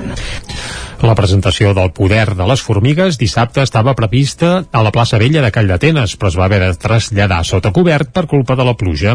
Godó, barcelí, barceloní de naixement, resideix des de fa uns anys al municipi usonenc de Call d'Atenes. I més novetats literàries, Dolors Vilamitjana publica un llibre que recull la biografia i l'obra poètica del Sant Joaní Josep Picola. La veu de Sant Joan, Isaac Muntades. Coincidint amb la Diada de Sant Jordi, dissabte es va presentar el llibre Biografia, Inventari i Transcripció de l'obra literària de Josep Picola i Soler 1913-2002 de l'autora Dolors Vilamitjana, una obra que aprofundeix en la vida i el llegat d'aquest poeta sant Joaní que ha donat nom a la biblioteca municipal. L'autora explicava que una de les seves filles, Montserrat Cola, va dirigir-se a ella perquè com a llicenciada en Filologia Catalana i Psicologia podia donar una ullada a la seva obra i unificar-la. L'altra germana, Fina Picola, també va passar-li manuscrits i d'aquesta manera es va començar a interessar per la seva poesia. Durant la seva trajectòria vital, Picola va editar nou publicacions i tenia la voluntat de seguir fent-ne. Només havent llegit els seus versos, Vilamitjana va definir descriure-lo com una persona molt natural, ple de bondat, senzillesa i humilitat. A més, era un activista cultural de Sant Joan, perquè pintava, escrivia, feia teatre i recerca històrica. Mai li van caure els anells perquè va treballar des de paleta d'antiquari. El catolicisme també era important en la seva vida. Ell tenia una visió molt senzilla de, de Sant Joan i de la vida en si, no? I sempre amarada per la fe, que no va perdre mai. Era catòlic, molt religiós, i això el va ajudar molt, no? També en diu això, amb uns versos que us transcric. El que aquest llibre diu et servirà bonament per primavera, estiu, tardor o hivern. Lluat sia Déu. Per tant, què ens trobarem? Doncs de tot. Ens trobarem els tòpics de sempre, el carpe diem, el locus amoenus, el tempus irreparabilis fugit, la vita flumen, i per tant, vida i mort que s'expressen amb l'espontaneïtat de la tradició popular oral i la força de la fe. Vila Mitjana també va centrar-se en una de les seves facetes més desconegudes. La faceta històrica, no? La faceta d'aquell conreador de històries i de llegendes i del seu poble i que a més a més hi ha un arxiu eh, a l'Ajuntament que s'hauria d'analitzar tot, d'investigar i què se'n podia treure. Penseu que hi ha un nou mite del Comte Arnau, noves apostes per les abadesses de Sant Joan, personatges històrics que ell reinterpreta, com Tallaferro... L'autora del llibre també subratllava que Picola va escriure una obra de teatre senzilla on el tema principal és l'amor i la comedia. I més qüestions a la pàgina esportiva, el Club Atlètic Torelló i el Club Natació Torelló s'han fusionat i han creat una nova entitat, el Club Atlètic Natació Torelló. Aquesta setmana s'ha anunciat l'acord de la unió entre el Club Atlètic Torelló i el Natació Club Torelló, que ha comportat el naixement del Club Atlètic Natació Torelló. Amb aquesta fusió, els clubs volen potenciar les activitats esportives que organitzen i aconseguir augmentar el nombre de socis, ho explica Ricardo Van Gelderen, que fins ara era el president del Club Natació Torelló. Aquesta fusió neix de la necessitat d'evolucionar com a entitats esportives, de créixer en massa social, d'ampliar l'oferta de disciplines que arriben a tothom. I es tracta doncs, de sumar esforços que permetin la pràctica d'esports amb valors, sobretot, com la cultura de l'esforç, el treball en equip, la tolerància, el respecte i la diversitat. A la roda de premsa de presentació de la fusió hi van participar l'alcalde de Torelló, Marçal Ortuño, i el regidor d'Esports, David Sánchez. L'Ajuntament agafava el compromís d'ampliar el tartà de la pista d'atletisme i equipar la piscina d'estiu per a futures competicions, dues de les demandes dels dos clubs. Escoltem a David Sánchez. Des de l'Ajuntament intentarem respondre eh, amb, amb, amb dues actuacions que, que, que esperem poder a terme, bueno, una segur que la farem, que serà l'ampliació del tartan i tenir un tartan en condicions perquè la secció d'atletisme pugui practicar el seu esport eh, amb, condi amb condicions i l'altre és equipar la piscina d'estiu per poder-hi fer competicions a, a l'aire lliure. Els dos clubs, que actualment sumen uns 200 esportistes, han acordat crear un escut per a la nova entitat i també han fet dos nous dissenys per a les samarretes. Un dels projectes del nou Club Atlètic Natació Torelló és també crear una escola de triatló.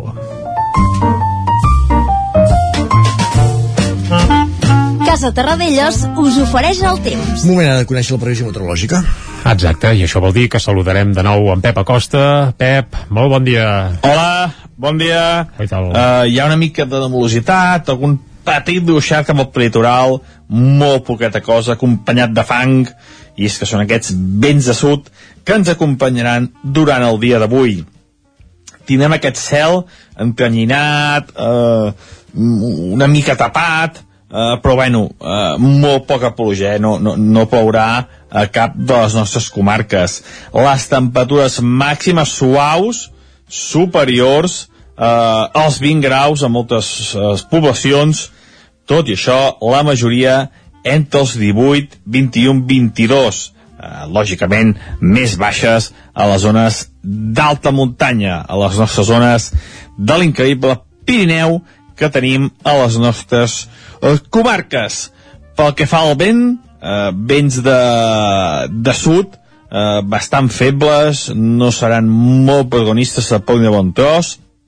De moment un temps bastant pla a l'espera, a partir del cap de setmana, de matins assolellats i de tardes de tempesta. Uh, serà el temps típic ja del mes de maig i de juny, uh, on al matí farà sol i a les tardes hi ha tempesta, sobretot cap a les zones del Pirineu. Però bueno, demà ho anirem concretant una mica més perquè ja dic, serà un cap de setmana amb els matins molt estables, però les tardes seran mogudes. Les primeres tempestes de la primavera, eh, més generals, eh, estaran aquí ja aquest cap de setmana. Una cosa que m'encanten, m'encanten les tempestes, per tant, a tota la gent que li agradi, estarà de la bona a partir d'aquest cap de setmana. Moltes gràcies i fins demà. Adeu, bon dia. Doncs vinga, Pep, moltes gràcies a tu. Sabem que t'agraden les tempestes i, per tant, eh, això, aviam aquest cap de setmana si en cauen gaires. Ara anem cap a l'entrevista, Isaac. Som-hi. Casa Tarradellas us ha ofert aquest espai. Territori 17. Envia'ns les teves notes de veu per WhatsApp al 646 079 023. 646 079 023. WhatsApp Territori 17.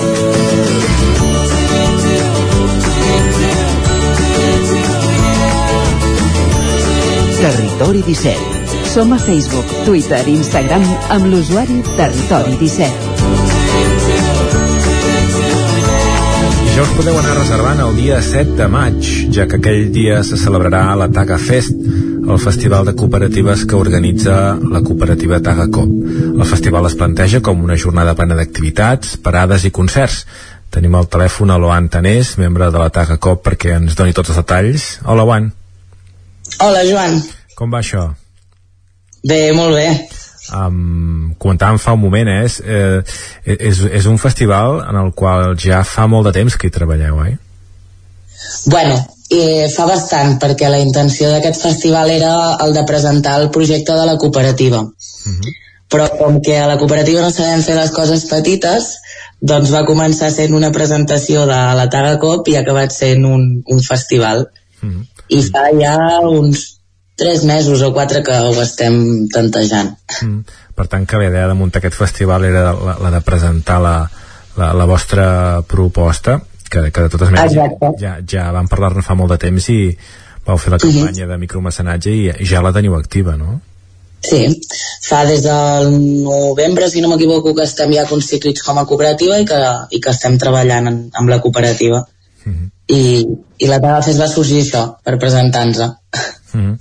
En tot cas també, evidentment, com que ha crescut, ara també suposo que la intenció és donar visibilitat a, a aquesta mena de projectes cooperatius i, i col·lectius Exacte. autogestionats, no? Uh -huh. Sí, una mica és aquesta la intenció del festival, no? de donar visibilitat a tots els projectes eh, que hi ha a la comarca no? I, i de generar un, un espai on aquests projectes es puguin, es puguin trobar no? I, i sigui un punt de partida de- d'arrelament cap al territori, cap a la comunitat, per crear xarxes, eh, per divulgar tots aquests valors que acompanyen aquests projectes, no? una mica. Mm. On el fareu, físicament? Físicament serà a l'antic escorxador Sant Joan de les Abadeses Mm i tindrà un espai intern del festival, és a dir, dintre del que és el recinte de l'escorxador, i llavors hi haurà un espai que serà fora, que serà l'espai més gros, que és l'espai de fira i el de l'escenari exterior. -hmm.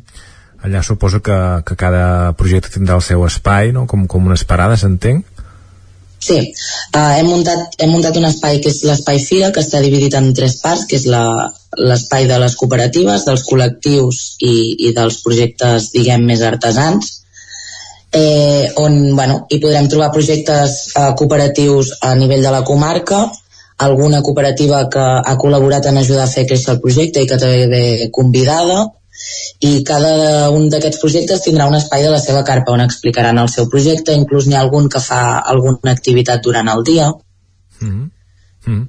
I qu quantes en vindran? Teniu, teniu ja tancat això? Uh, estem a l'espera de que alguna acabi de confirmar, però si no vaig equivocat entre cooperatives, col·lectius i, i, uh, i artesanes hi deu haver uns 15 o 16 projectes. Mm -hmm. N'hem anat parlant aquests darrers mesos també amb algunes de les noves cooperatives de, de la comarca, Mhm. però no sabem la xifra, no sé si vosaltres la teniu, de quantes n'hi ha a la comarca de cooperatives De actuals? quantes n'hi ha a la comarca? No, no la tenim, però jo també quan vam començar a muntar la Taga Fest uh, ens en vam trobar més de la que ens esperàvem. Mm -hmm. N'hi havia alguna que nosaltres no sabíem ni, ni de la seva existència i gràcies a l'eina del, del PAM a PAM, que és una eina de, de l'economia solidària on podem trobar uh, gent que té uns models de negoci alternatius, no? I moltes van sortir d'aquí, de trobar-les al PAM a PAM al voltant de nostre. Mm. En tot cas, de, de la comarca, quantes, quantes n'hi hi participaran? De la comarca, eh, en principi, totes les que hem pogut eh, agrupar de la comarca, la intenció és que totes siguin de la comarca, només n'hi ha dos o tres que venen de fora. Mm -hmm. Per tant, que La resta són... es comentat sí. que n'hi havien unes, uns 15 projectes, per tant que entenc que això Sí. més, més de 10, eh, de, de la nostra comarca. Sí. Sí, sí. Molt bé. Uh, Explica'ns una mica, perquè hi haurà aquesta part de- d'explicació, de, de donar-se a conèixer, Uh -huh. però que has parlat d'altres coses que també doncs, uh, són interessants i potser més festives. Explica una mica què és el que teniu pensat. Doncs bé, mira, nosaltres obrim les portes del festival a les 10 del matí. Des de les 10 més o menys fins les 12 serà l'estona aquesta de que la gent pugui passejar, pugui descobrir l'espai de fira, amb algunes de les activitats que munten els projectes convidats. I llavors a les 12 ja comença la, la festa grossa, que és, es començarà amb un vermut, amb un vermut musical fins les dues, dues i mitja, eh, que el, bueno, l'estem gestionant una mica entre el jazz, l'Ateneu, nosaltres, eh, i estem treballant perquè, bueno, per això, perquè sigui un dia de festa, no? Uh, després també comptarem amb un dinar popular a partir de les dues i mitja que l'organitza el col·lectiu No em mengis l'olla. Eh, després a la tarda hi haurà les presentacions dels projectes que han vingut convidats. I tancarem la tarda amb, amb una estona de microobert on contem amb la participació de l'Aitor, que és un noi de Sant Joan, que fa rap, i ens vindrà a presentar alguns dels seus nous temes pel disc. Em, I llavors a la nit eh, obrirem les portes de l'excursió d'un altre cop a les 11 per als concerts de, de nit. Qui hi haurà? Qui hi haurà? Bueno, concert. Concerts no, al final no hem trobat grups de música i eh, ens hem engrescat a ficar diferents DJs durant tota la nit. Molt bé. Molt bé, per tant, una jornada ben completa. Has parlat de, sí. del vermut i del dinar, no sé si és necessari doncs, que la gent s'apunti o no. Sí, al dinar avui han sortit uh, les llistes i et pots apuntar al propi Instagram de, de la Taga Cop o des d'aquesta tarda al Bar Centre i a Can Salvat trobareu unes llistes on, on us podeu apuntar i el tiquet del dinar recollirà aquell mateix dia. Mm. Heu, eh, ho has explicat que, que, que, que, que l'inici era una presentació de la vostra, del vostre Sí. projecte, però no sé si, si descarteu fer-ne més edicions o no, o és una cosa que ja teniu al cap? ja és una cosa que ja està al cap. Quan vam començar amb, amb la Taga Fest vam decidir que, que havia de ser una cosa que no només comencés aquest any i s'acabés aquest any, sinó que volíem que tingués una continuïtat, no? Uh, I la intenció és que l'any que ve sigui més gros i puguin venir mm, projectes uh, de fora i que cada cop vagi creixent i cada cop el festival tingui més, més intensitat dins de l'economia social i solidària. Um, com, com hem explicat això organitza la, la Taga Cop que recordem que és una cooperativa de neteja ecològica explicaves que això que, que us vau constituir oficialment al novembre com us està anant? Bueno, bé, uh, anem creixent mica en mica i, i això és el que ens interessa, no? Eh, no ens interessa generar de cop una feina molt grossa perquè de moment som molt poqueta gent a la cooperativa i ens interessa més fer un creixement progressiu que ja és el que ens està passant, no? I estem molt contents perquè està havent molt bona resposta a, a la comarca amb, amb la feina que oferim nosaltres, no? Els serveis que donem. De fet, cada cop la gent és més conscient no? de, de, Mhm. de que potser cal reduir l'ús de d'alguns productes químics i, i, que hi ha, i, i que hi ha alternatives i que haurien de començar-hi a apostar també. Exacte, i és molt necessari, perquè al cap i a la fi aquests productes químics eh, són els causants de, de la majoria de malalties respiratòries al llarg de la nostra vida, no? Um, quins ofereix, eh, quins serveis oferiu? És a dir, uh, neteges de- d'espais de, i això, feu venda de producte també o, o distribució? Uh, ara estem començant, ara estem començant a, a, a parlar amb diferents distribuïdores uh, per veure qui ens pot oferir el, el millor producte per arribar a, a, a la casa, no? És a dir, nosaltres no només fem neteges integrals de grans espais o de comunitats de veïns o de vivendes particulars, sinó que a més a més la nostra intenció també és portar tots aquests productes ecològics a, a l'ús quotidià del dia a dia a casa, no? Clar, el que ens hem trobat és que és un sector poc explotat encara. No hi ha un, no trobes un proveïdor que et porti tots els productes, sinó que un t'emporta un, l'altre t'emporta un altre, i nosaltres tampoc volem això, no? Mm. Perquè cap i a la fi el, el que fa això és que generes uh, generes moltes més uh, emissions, uh, consumeixes d'una forma molt menys, uh, molt menys sana, no? per dir-ho d'alguna manera. Mm, no, no, no està optimitzat, no?, d'alguna forma. Exacte. Exacte. Però de fet és això, que dius tu, és un camp per córrer perquè, uh, uh -huh. que jo sàpiga, no sé, ara potser si algú coneix doncs que ens truqui i ens avisi però jo diria que per, que per la nostra zona no hi ha, no hi ha gaire lloc no? on poder comprar potser jo que visc a la comarca d'Osona allà, allà hi ha molts llocs on tu pots anar a buscar productes ecològics i a granel però, sí. però aquí sí, a la nostra zona encara no eh? No, Uh, de moment que nosaltres sapiguem, no. Si hi ha algú que en sap algun, nosaltres estem encantades a, a, a rebre aquesta informació perquè ens, ens serà molt útil, la veritat. Uh -huh. Molt bé, Joan, doncs moltíssimes gràcies, que vagi bé aquest final de, de preparació, encara queda uh, un mes d'una setmana, però entenc això que, que ara la feina ja és, ja és diari d'anar tancant coses, d'anar quadrant coses, sí. i que ha arribat aquell sí, sí. dia doncs, que, que sigui una gran festa. Moltíssimes gràcies. A vosaltres, i us hi esperem a totes aquell dia. Vagi molt bé. Gràcies.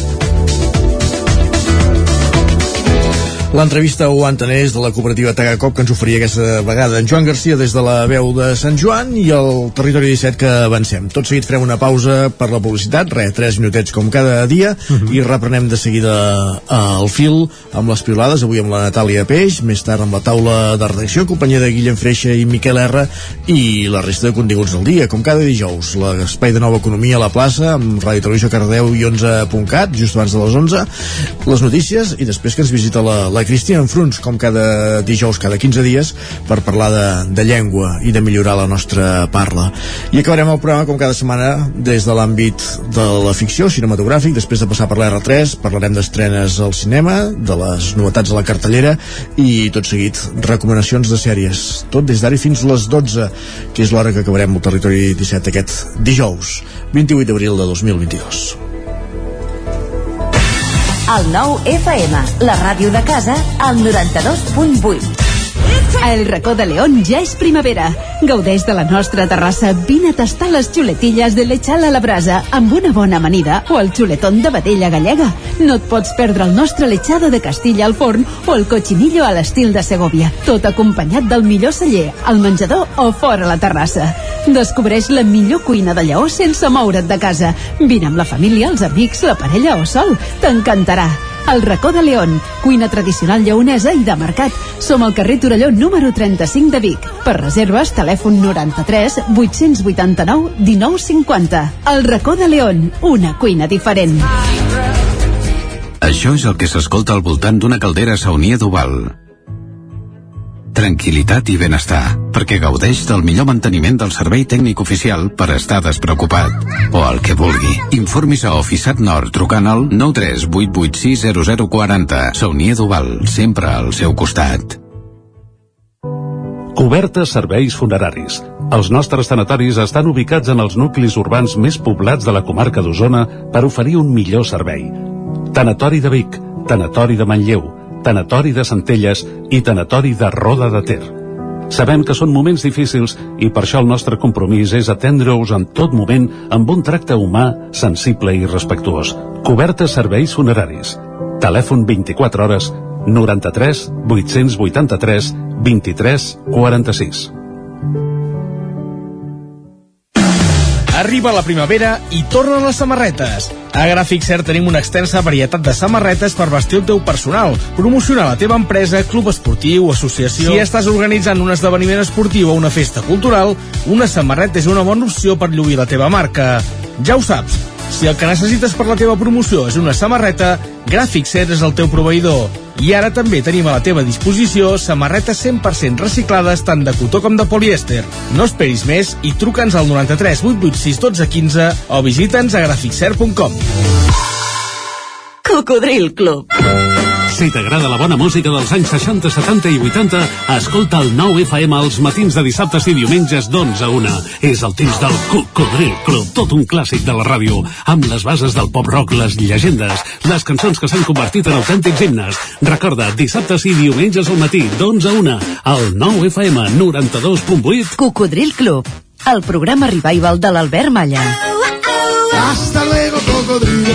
Anuncia't al 9FM. La màquina de casa. 9 3 8 8 9 4 9 4 9 Publicitat arroba al 9FM.cat. Anuncia't al 9FM. La publicitat més eficaç. El 9 FM. En punt, dos quarts d'onze al territori 17.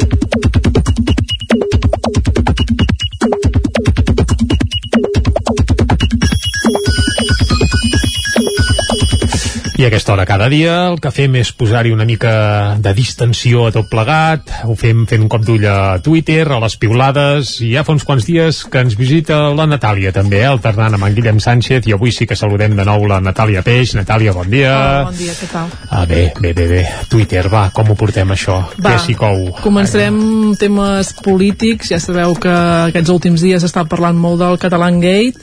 Um, ahir va haver una intervenció controvertida de la ministra de Defensa, Margarita Robles. Hem escollit una sí. piulada, eh, és de Jordi Turull, l'exconseller. Diu, el reencuentro del que parlava Sánchez Castejón no era amb Catalunya, en realitat era el reencuentro amb el règim del 78, perdó, del règim del 78 amb el d'abans del 70. Bé, Jordi Turull, Dixit. Què més? Vinga, uh, ja sabeu que el Tona està de celebració.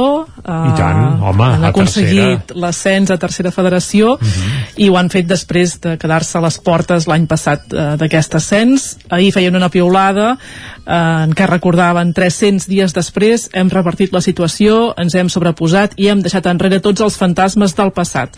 Ara ja ho podem dir ben alt, som de tercera, amb les etiquetes La Gran Família, ho hem fet, i Tercera Federació, i amb dues fotografies, una del partit de l'any passat al camp de la Guinaueta, on doncs van Es van acabar quedar a perdent, portes, sí, a més a no més, eh, un, una derrota molt cruel. Sí, a l'últim minut gairebé, eh? Sí, és sí. una foto de dos dels entrenadors doncs, abraçant-se molt tristos i una altra fotografia d'aquest eh, cap de setmana passat doncs, amb la celebració eh, al camp del Tona de, de l'ascens.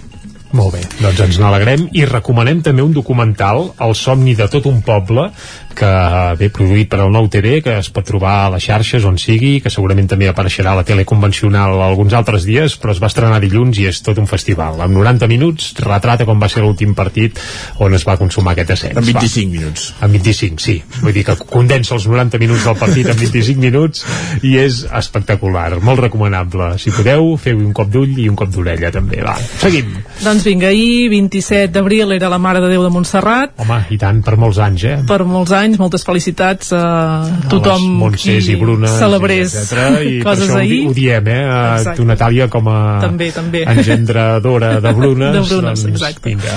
Doncs vinga, la nostra companya la Gemma Permanyer de, deia Bon dia per recordar que de petita em pensava que el Virulai deia que a Montserrat esteu en lloc de, De Montserrat, Estel. Estel. Però ella mateixa afegeix que mentida tampoc ho era. A Montserrat esteu, la moreneta hi és, no? A Montserrat. I fet i fotut, que tothom ho canti com vulgui. Ara ho has dit. Exacte. Ah, que escolta, per versions del Virulai, algun dia en podríem fer una, una secció, perquè n'hi ha algunes de bastant divertides.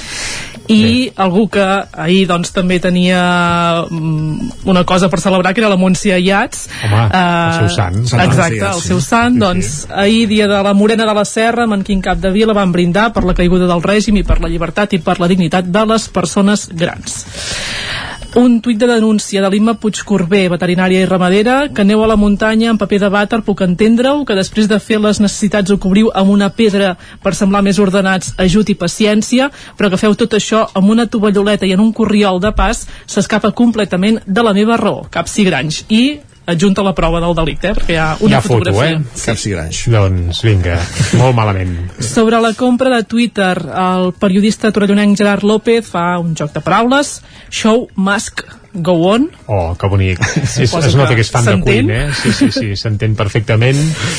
I eh, Albert Cuesta diu recordeu que dimarts als matins vaig insistir a aclarir que Musk encara no ha formalitzat la compra de Twitter i adjunta una informació de Reuters en què es diu que hi podria haver canvis en aquesta adquisició de Twitter per part d'Elon Musk, que encara Ara, no clar. estaria tot eh, el tancat. 100% al sac i ben lligat. diguem. Exacte. Mm.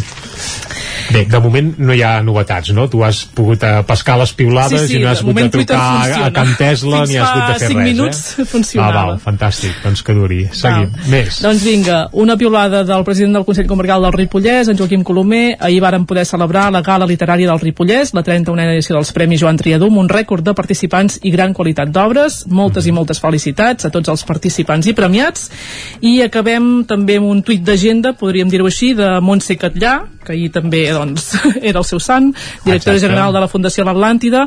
Reivindicar-nos com a país vol dir reivindicar la nostra llengua i la nostra cultura. Celebrem el 12è aniversari de l'Atlàntida amb l'Oda Verdaguer de Salvador Brutons, un cant a Verdaguer un cant a, i un cant a Catalunya. Això serà diumenge a la tarda, Exacte. eh, aquesta interpretació de l'Oda a Verdaguer a que fa l'Atlàntida. 20 anys que no s'escolta aquesta peça, eh? es va escriure per commemorar el centè aniversari el segle, vaja, de la mort de mossèn Cintus, va estrenar Vic fa 20 anys i ara finalment es podrà tornar a escoltar, dirigida de nou per el Salvador Brutons, que El és qui la va escriure. I tant que sí. Natàlia, moltes gràcies, Vinga, eh? I aniràs bon o no a veure, a escoltar l'Oda Verdaguer? Em toca treballar, per tant, Ah, serà bé, complicat. bé, bé, bé. Molt bé.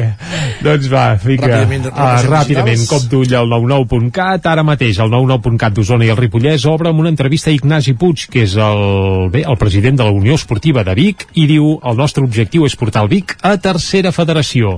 De moment, qui anirà a tercera serà el Tona, el Vic aquest any eh, no, no, no hi haurà l'ascens. Però vaja, a l'entrevista explica això. També tres detinguts a Ripoll per portar un quilo de marihuana al cotxe i l'escola El Roser de Sant Julià continuarà oberta i el Vallès Oriental, ara mateix el 99.cat obre explicant que entra en funcionament el nou CUAP de Granollers al centre de salut del carrer Girona també s'explica que la policia de Lliçà de Vall distingeix un veí del poble per auxiliar per auxiliar una dona víctima de violència masclista i que un incendi crema les oficines de l'antiga fàbrica d'aigua del Montseny en Sant Esteve de Palautordera.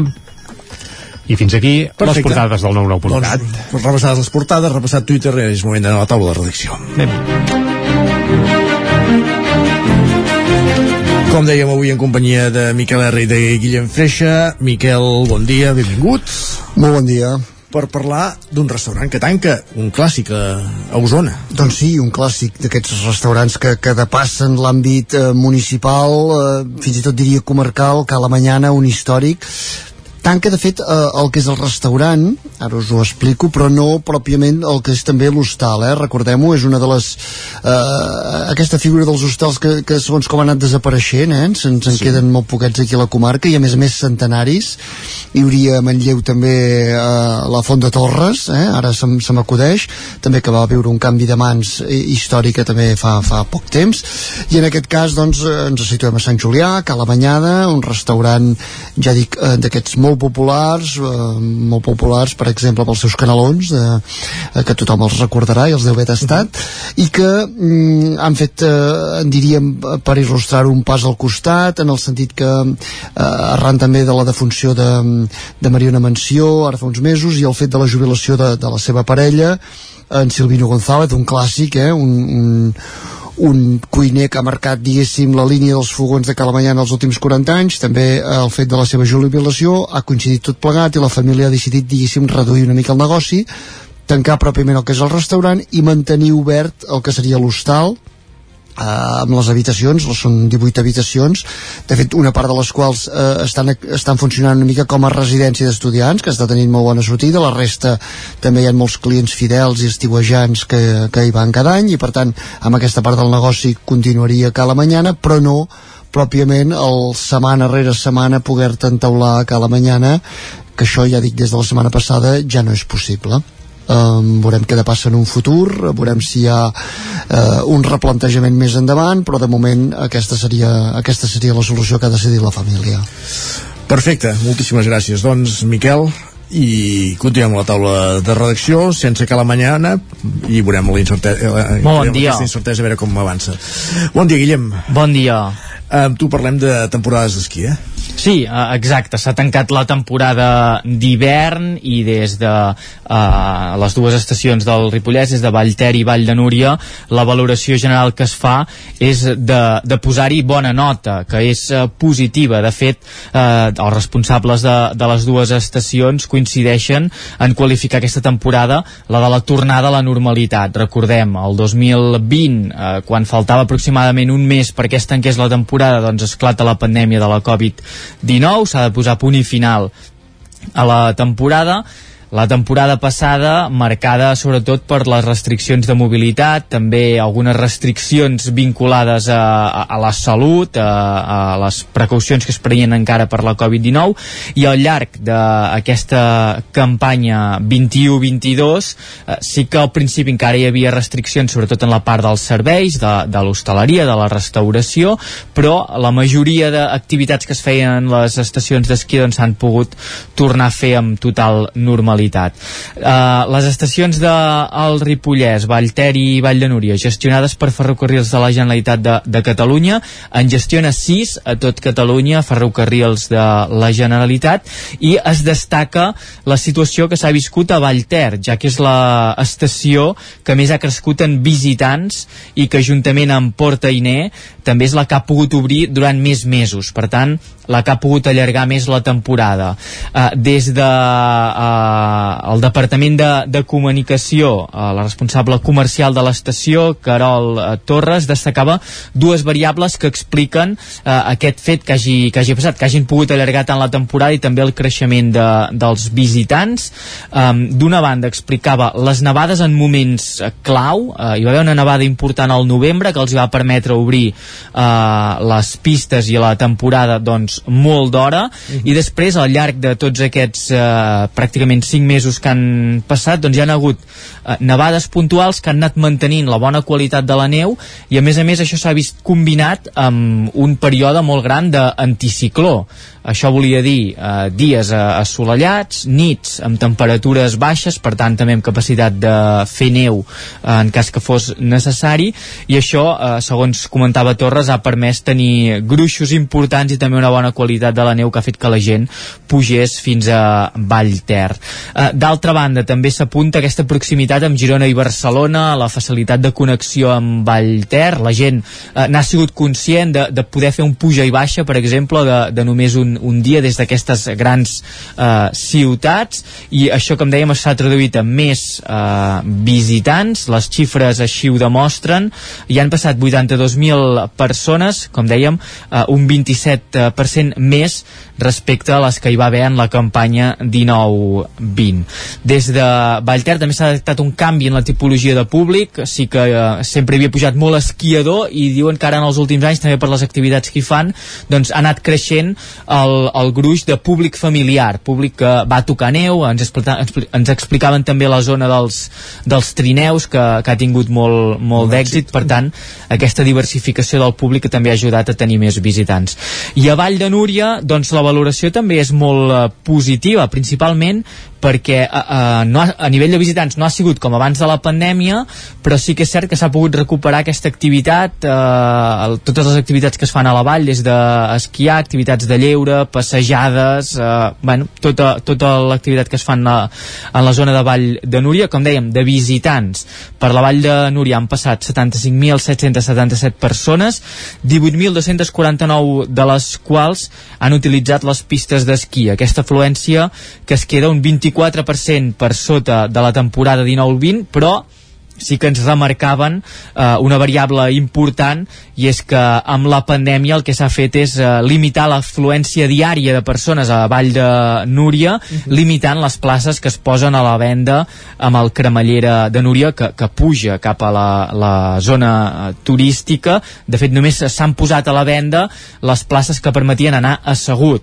Eh, ens eh, deien des de l'àrea de, de comunicació, Ruth eh, Bové, que aquesta mesura de moment es mantindrà perquè s'ha comprovat que també millora l'experiència dels eh, visitants, és una aposta per la qualitat, eh, fomentar que no hi hagi aquesta massificació a Vall de Núria i que en principi es eh, mantindrà.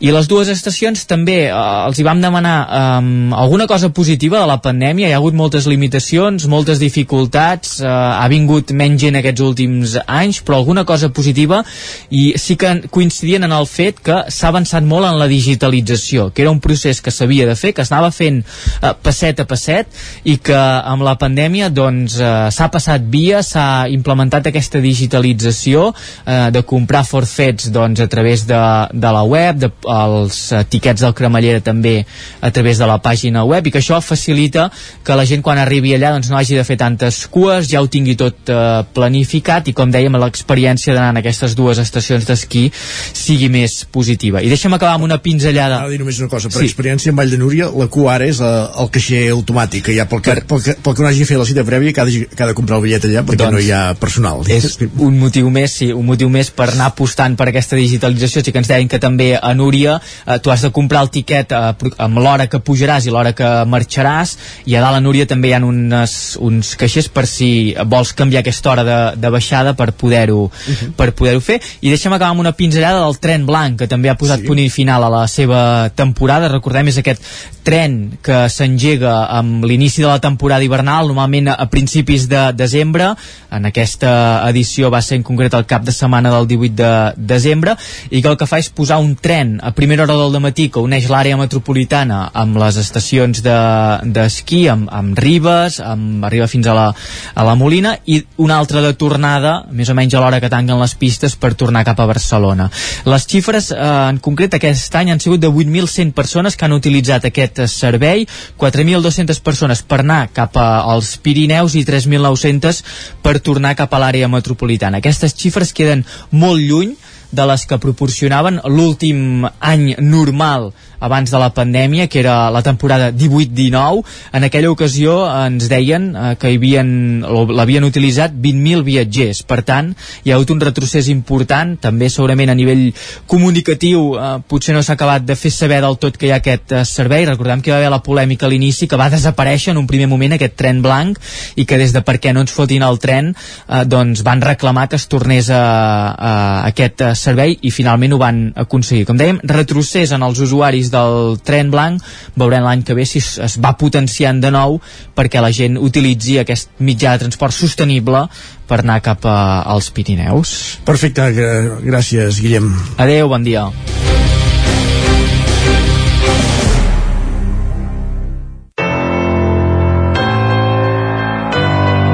Territori, Territori 17. 17. Territori 17.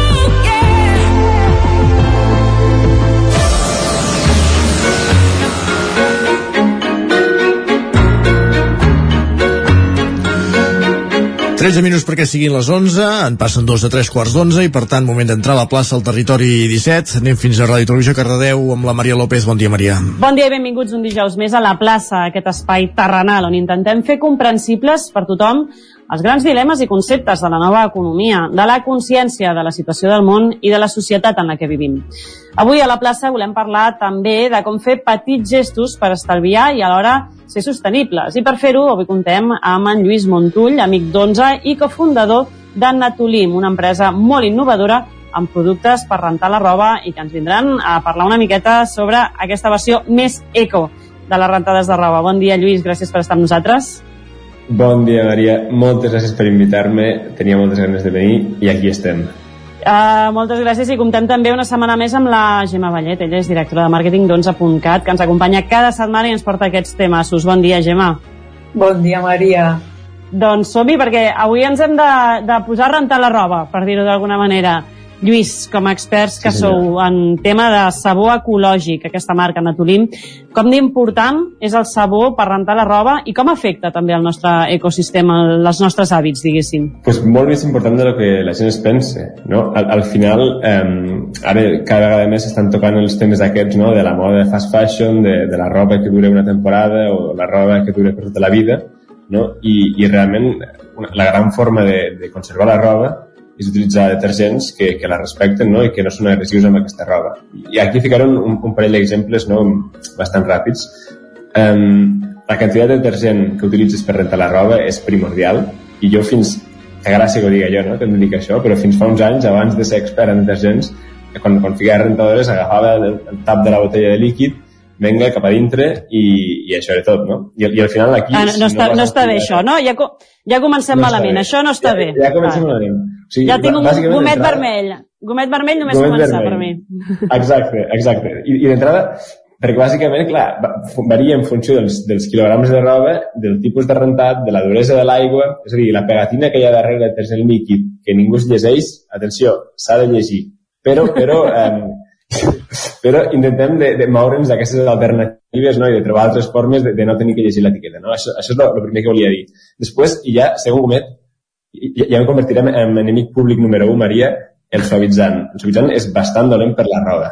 Ah, sí? Jo, Mira, jo, jo a més jo soc eh, d'aquelles de... Perquè sí. olori bé, eh? Fot-li.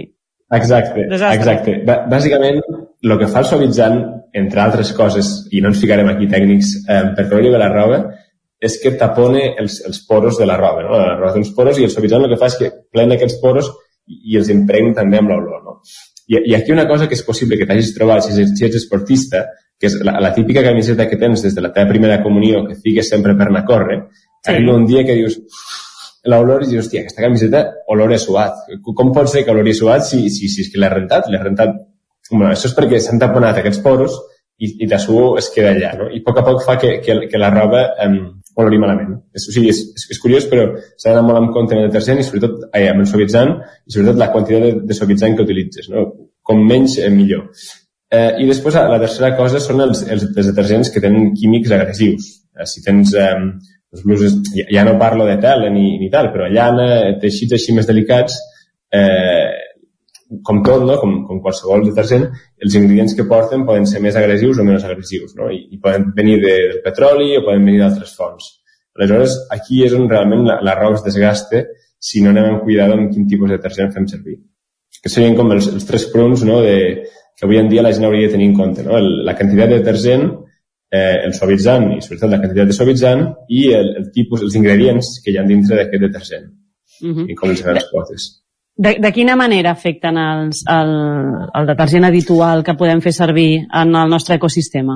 Bueno, clar, d'entrada, els, òbviament, a- aquests eh, detergents porten químics, al final no, la, la, la matèria prima d'aquest detergent, no, el que neteja es diuen tensioactius. Vale? Aquests tensioactius doncs, n'hi ha de, de diferents tipus i el que fan és que cada tensioactiu és, és bo per un tipus de taca i van a buscar aquesta taca i diguéssim que, que, que la treuen de lo que seria la, el teixit, no? I aleshores aquests tensioactius poden venir d'orígens de petroli o poden venir d'orígens naturals, no? d'orígens vegetals. Aleshores, és més barat l'origen de petroli i la majoria de detergents utilitzen això. No? Aleshores, entre altres coses, a més d'ingredients de, de relleno que porten, això un cop ho, ho rentes acabes al mar. No? I diguéssim que per- afecta bastant al, al medi aquàtic. Aquesta és la, la part de, de lo que seria el detergent. Després està l'altra part, que a mi és el que, lo que em va semblar més fort i el que ens va portar a començar a Tolim quan ho vam aprendre, que és que només el 20% de les botelles de plàstic de detergents es reciclen. El resto acaben amb, Només amb marge 20%.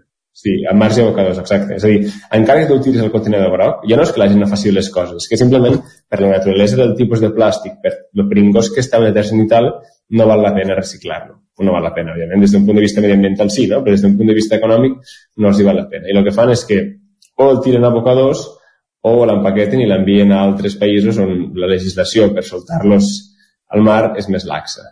Oh. I aleshores aquest és una mica... És a dir, o, o se'n desfan aquí a abocadors o els envien a un altre país perquè se'n desfacin ells. Són els, els dos problemes que hi ha amb el plàstic, sobretot de les botelles de detergents. No? I aquí va ser quan, quan fa dos anys, amb, amb el David, el meu soci, vam, vam veure un reportatge d'això ens vam donar compte de, de la gravetat de l'assumpte. No? I, i bueno, jo crec que afecta molt no? al, al nostre medi, al nostre medi ambient, sobretot, i al nostre ecosistema, tot el tema de, del plàstic i del detergent.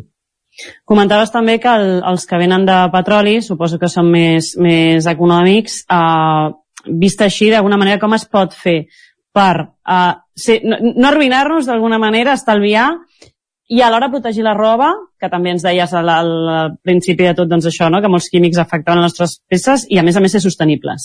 És complicat, eh?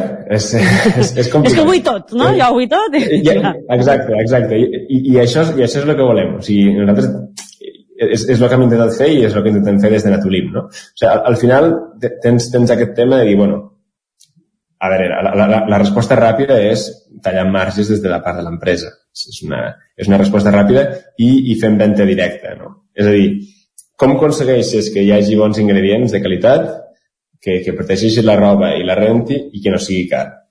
Tallant intermediaris, bàsicament. O sigui, en comptes de vendre-ho a un distribuïdor que ho ven a un supermercat que t'ho ven a tu, tens una web com la nostra, vas a la web i ho compres, no? Diguéssim que és, és, és l'única forma que tens realment d'afegir totes aquestes, tots aquests requeriments i no enfonsar-te amb un preu caríssim, no? Al final.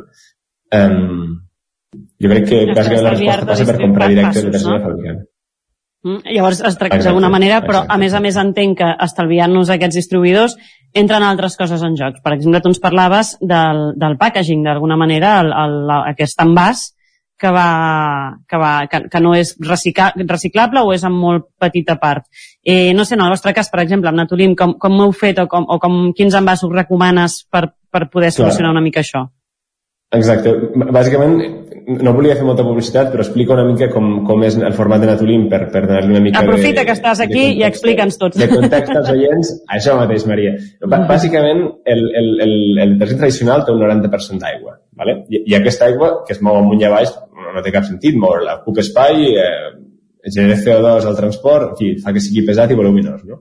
I el que vam trobar és vam dir, bueno, vam, vam, vam, anem a intentar fer aquest detergent deshidratat. Anem a fer un procés per, per treure l'aigua i, i el que ha quedat és una espècie de, de fulla, una fulla de...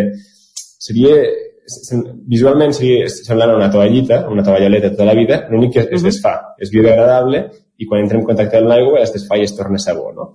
La gràcia d'aquest format sòlid és que aleshores ho podem ficar en una capseta de cartó compostable i, eh, i bàsicament, clar, això pues, el que passa és que t'arriba la bústia, no, pues el que et deia, no? no cal anar a comprar-ho pel lloc, t'arriba la bústia i quan t'has gastat les tires i te l'has acabat, aquesta caixeta, pues, si fas compost a casa pots fer compost, o la pots tirar orgànica o la pots tirar al, al paper i al cartró, no? però t'assegures que es reciclarà no? i que no hi haurà aquest problema amb, amb el plàstic que es genera amunt i avall. Llavors, òbviament aquest és el, el, el gran punt també de valor que té Naturim, no? de que pues, no genera residus de plàstic. I a, a nivell de, unes coses que dèiem era la possibilitat de que, de que amb els químics habituals que tenen els altres detergents després malbé la roba, uh, de, de, de, de què, què, trobem dintre d'aquesta tovalloleta, per dir d'alguna manera, a nivell de... Com, com es renta la roba si no és amb químics? Exacte. No, no, els tensioactius, els químics aquests, hi són iguals, vale? I, i l'únic que són molt menys abrasius, perquè venen d'origen vegetal i bàsicament el que fa és que tenim tires i tires de clients, piles i piles de clients que ens diuen, escolta, em sortien ronxes amb el detergent tradicional i pensava que era normal, no? pensava que els detergents havien de ser així, amb vosaltres em funciona. I això, aquests missatges a mi em flipen. Jo quan rebo un correu d'aquests ja, ja em fa el matí. És allò, com pensa, els problemes de sempre emprenedor, tens un problema i dius, hòstia, hòstia, quin problema que tinc, reps un email com aquest, se't, se't compensa el dia, no? Però, bàsicament, sí, el que vam dir és, bueno, anem a mirar quins són els ingredients que, que hi ha en detergents tradicionals i quins són els ingredients que, que podem treure i quins són els que podem canviar. Com, com una petita anècdota que ens vam donar compte, és que Natulim fa molt poca espuma, perquè l'espuma com a tal és un detergent de relleno, que històricament, des de, des de, des de les nostres àvies comprant detergents, es deia que si no feia espuma no rentava. Això és fals. L'espuma és un detergent, és un ingredient, a més a més, que es fa per, per afegir-li dinamisme no, a la rentadora. Realment l'espuma no, no renta, no, no, no porta res, no? És una de les coses que, que vam treure. I, um, clar, el, el procés de dos tios que estan preocupats pel medi ambient, que sí que han fet química a la carrera i tal, però que no en saben massa de detergents, ara sí, eh? Um, anar ingredient ingredient com uns friquis comprant tots els detergents del rengló, mirant quins ingredients hi havia, d'on venien, de quin tipus, no? I va ser així una mica com, com vam experimentar prova i error. Ja, ja diré, ja t'ho dic ara, el primer, el primer prototip que vam fer de Natulim no netejava prou bé, vull dir, no, no, no estàvem on estem ara, no? Hi, ha, hi ha hagut un procés darrere i, i ha sigut molt guai, la veritat. Ha, estat, ha, estat, ha estat molt divertit i molt formador. Jo ara em confessaré, jo sóc de les que va al súper i quan a, per escollir el detergent, perquè més no tinc un sol allò que diguis, eh, el de sempre, és que mai me'n recordo de quin és l'últim que he comprat, i llavors vaig, vaig obrint i vaig ficant el nas a veure si m'agrada com olora. A què olora Natulim? Tenim, tenim tres, tres variants. Tenim la, la ah, si puc escollir tot. Pots escollir tot, pots escollir. Hi ha gent, hi ha gent molt, molt especial i, i amb raó, no? Eh, de que no els agrada que, que, que la roba, volen que la roba olori neutra. Um, després teníem inicialment un de lavanda, que encara el tenim, i hem llançat un de floral. Aquest de floral olor una mica més potent, olor com a, com a flor de, a flor de préssec, vale, diguéssim. Mm. I, i, I una cosa que, que, que la, la gràcia de Tulim és que, ja, ja que he parlat pestes del, del suavitzant, és que em diu, bueno, vam agafar aquells dos ingredients del suavitzant que feien que realment la roba quedés suau i els, i els vam ficar. I, i tot l'altre ens ho vam carregar. Per tant, diguéssim que amb la Tulim no cal fer suavitzant, no cal utilitzar suavitzant, no? I, i ja, ja queda l'aroma de la roba ja queda, ja queda així. Òbviament, i tot sigui dit, eh, al no portar aquests, aquestes químics a mansalva, no et quedarà l'olor del mimosín, aquell intens que et queda cap darrere. Si, si busques això, això no ho trobaràs, no? però sí que et quedarà un, un bon olor a, a rabaneta, suau o a floral, no? diguéssim. I que si mai volgués utilitzar el, el, el mimosín, perquè dius que fa 25 anys que l'utilitzo, la meva mare l'utilitzava, la meva àvia també, no pateixis. I no, no, ja, ja et dic que, que no recordo, si ni recordo el que vaig comprar jo el mes passat, saps? És que no... Sí, sóc un desastre amb això. D'altres coses sí, però amb el detergent mai me'n recordo quin... I a vegades em fa ràbia, que aquell em va agradar, però ja no me'n recordo quina marca era i... Desastre total. Escolta, tinc molta curiositat perquè abans tu has dit, eren dos tios que hem estudiat química comprant detergent com bojos. D'on neix aquesta, aquesta iniciativa, aquest projecte? Com, com us fiqueu amb aquest pues, embolat? Pues, pues mira, amb el, amb, amb el David, que és, que és el meu soci, eh, també un tio molt majo, avui no he pogut estar aquí, però ja, també té molta salsa. Eh, fa, fa molts anys que ens coneixem i vam començar treballant junts fa, fa quatre anys. No? I des d'aleshores que sempre havíem tingut els dos esperit emprenedor i havíem intentat fer alguna cosa, l'altra pues, no va acabar de funcionar. No? I, i, però, i, bueno, una cosa que teníem els dos és que teníem molta consciència ecològica, no? de dir, ostres, realment volem fer, volem fer alguna amb impacte. I aleshores, eh, la, la mare del David utilitzava una espècie de suavitzant amb tires que es fica a la secadora i es desfà. Que no té res a veure, però és algo que està als Estats Units, no sé, va anar als Estats Units, ho va trobar, en fi, és com un, un, una espècie de disc que ho fiques a secadora i es desfà. I vam dir, hòstia, aquest format seria, seria genial si ho poguéssim fer amb detergent. I aquí vam dir, pues sí que seria genial, no? I vam començar, vam començar a estirar del fil.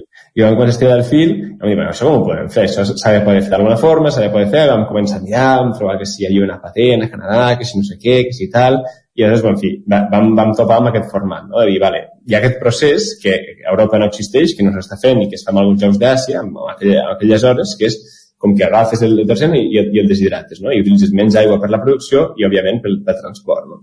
I vam dir, bueno, doncs, doncs volem tirar amb aquest format. I a partir d'aquí va ser com vam començar a dir, va, ara què, què li volem ficar amb aquest detergent? No? Que és, quins són els ingredients que hauria de tenir?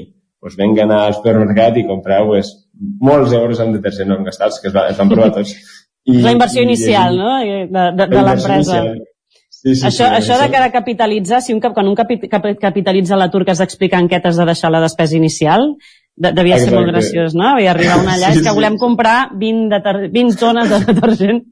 Exacte, exacte, exacte. I aleshores, bueno, pues anar, anar provant i, i, i anar fent, i anar iterant. I, i ara és la, la sisena fórmula que, o sigui, la, fórmula, la sisena iteració de la fórmula, aquesta última que tenim, i ja fa quatre mesos que estem amb aquesta i estem molt potents. És, veig difícil que canviem perquè hem donat bastant la tecla amb el que volem. No?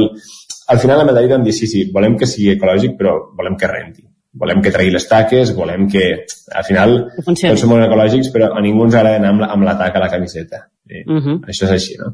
I, i, i bueno, creiem que, creiem que ho hem aconseguit, la veritat. O sigui, tenim, tenim molts clients, tenim moltes ressenyes, nosaltres som com una marca molt propera i quan, quan compres pues, també un vídeo, trobes un vídeo meu i el David explicant una mica pues, què, què és això de Natolin, com funciona, com rentar, escolta, a veure si pots, demanar, si pots deixar una ressenya i la gent s'anima pues, a deixar ressenyes i, i a contar-nos pues, com li funciona. I, i, i mola molt, la veritat, és, és molt xulo. Sí. Sí. Doncs des d'aquí un record també al David i a la seva mare com instigadora creativa d'aquelles tires. Aprofitem per, aprofitem per enviar-li una salutació a tots dos. Eh, Lluís, moltíssimes gràcies per, per haver-nos explicat una mica tot el vostre projecte, que em sembla superinteressant. Espero, perquè m'has promès abans d'entrar que m'enviaries algunes mostres aquí a la ràdio. O sigui que... Canviareu... Quantes caixes vols, Maria? Per tu i qui més? No, no, no però m'ho poses així tan fàcil, clar, ara em començarà ah. a sortir tots els, els companys de Territori 17 dient, ah, jo vull, ah, jo vull. Tu, el que puguis, i ja ens repartirem nosaltres, que aquí s'anima tothom molt ràpid. Fem una caixa de cada fragància i si no, quan us agradi, recordeu, moment de publicitat, xing, xing, xing, que això podràs comprar a... que això podràs comprar a natolin.com Aquí, Però- ja ho hem deixat dit. Molt ben fet, Lluís. Molt Ja ho hem deixat dit, exacte. Moltíssimes gràcies. Uh, Gemma, ens has estat escoltant així superinteressada, però vull que em portis tema per la setmana que ve. Tenim alguna idea de cap on anirem o no?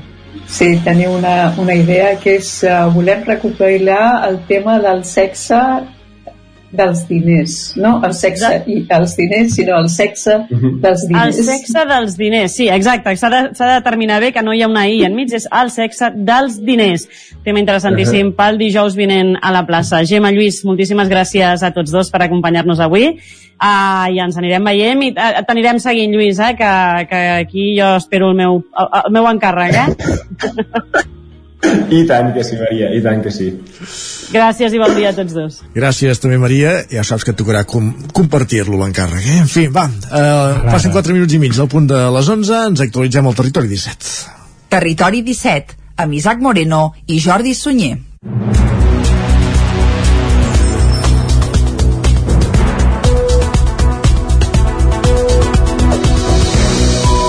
Moment per posar-nos al dia al territori 17 els expliquem que els Mossos d'Esquadra detenen tres homes a Ripoll per transportar un quilo de marihuana dins el cotxe. Isaac Muntades, la veu de Sant Joan. El passat dijous 21 Joan d'abril, els Mossos d'Esquadra de la comissaria de Ripoll van detenir tres homes d'entre 19 i 22 anys com a presumptes autors d'un delicte contra la salut pública. A més, el conductor també va quedar detingut per un delicte contra la seguretat viària per conducció temerària i un delicte de resistència i desobediència greu als agents de l'autoritat. Els fets van succeir aquell dia a la tarda durant un control per la prevenció de robatoris al Ripollès que s'havia establert a la carretera C-17 dins del terme municipal de Ripoll. Durant l'operatiu, els agents van observar un conductor que s'apropava al control amb excés de velocitat. Quan els agents li van indicar que s'aturés, el conductor no en va fer cas i es va donar la fuga a gran velocitat, obligant els policies a apartar-se de la carretera perquè no els atropellés. Els Mossos van iniciar una persecució i van veure com els ocupants del vehicle llançaven un objecte per la finestra que va resultar ser una motxilla amb un quilogram de capdells de marihuana. L'intent de fugida va quedar frustrat al cap de pocs quilòmetres de circular de forma temerària. El conductor va accedir a una pista forestal fins que es va aturar perquè el camí s'acabava. Els Mossos van comprovar que dins del cotxe hi havia restes de capdells de marihuana, diners en efectiu, un ganivet i cinc telèfons mòbils. Davant aquestes evidències, tots tres homes van quedar detinguts. Tots tres van passar a disposició judicial l'endemà al matí al jutjat d'instrucció en funcions de Guàrdia de Ripoll, el qual va decretar la seva llibertat amb càrrecs. Gràcies, com dèiem, Joan Garcia, des de la veu de Sant Joan. Més qüestions. Aleix Estrada deixarà el grup de Junts per Catalunya a l'Ajuntament de Manlleu i passarà a ser regidor no adscrit. El ple de dimarts va ser el primer d'Estrada sense les competències de govern, era regidor d'Esports, que se li van revocar després de la polèmica per la seva decisió de no participar en la lectura del manifest del 8 de març a la darrera sessió del ple. El ple de Manlleu de dimarts va ser el primer després de la retirada de les competències a l'Eix Estrada de Junts per Catalunya com a regidor d'Esports a causa de la polèmica pel seu posicionament sobre el feminisme. Estrada, que deixarà el grup de Junts per Catalunya i passarà a ser regidor no adscrit, ja va marcar perfil propi des de l'inici de la sessió, demanant la paraula en diversos punts i fent preguntes. Tot i així, durant el ple hi va haver molt poques referències al motiu de la seva sortida del govern. Pràcticament només en va parlar el mateix Estrada per reafirmar-se en la decisió de no participar en la lectura conjunta del manifest i la regidora de la CUP, Mayra Costa. Els escoltem a tots dos. vaig seguir el consell de la companya Mayra eh, vaig anar a la biblioteca vaig trobar un llibre molt curiós no em vull allargar, que es diu Jo els homes els detesto i com si quan ells s'autoconviden s'autoconviden a les nostres trinxeres o compartien els nostres combats no haguessin ocupat tot l'espai parlant més fort eh, més fort que nosaltres i entre parèntesis diu i de vegades fins i tot violentant-nos de passada amb la qual cosa jo reitero que penso que la meva actitud s'emmarca dintre del més absolut respecte. Per contestar una mica a l'Aleix, m'alegro que m'hagi fet cas i es posi a llegir. No és aquest un llibre que jo vaig recomanar, tot i que em sembla molt bé.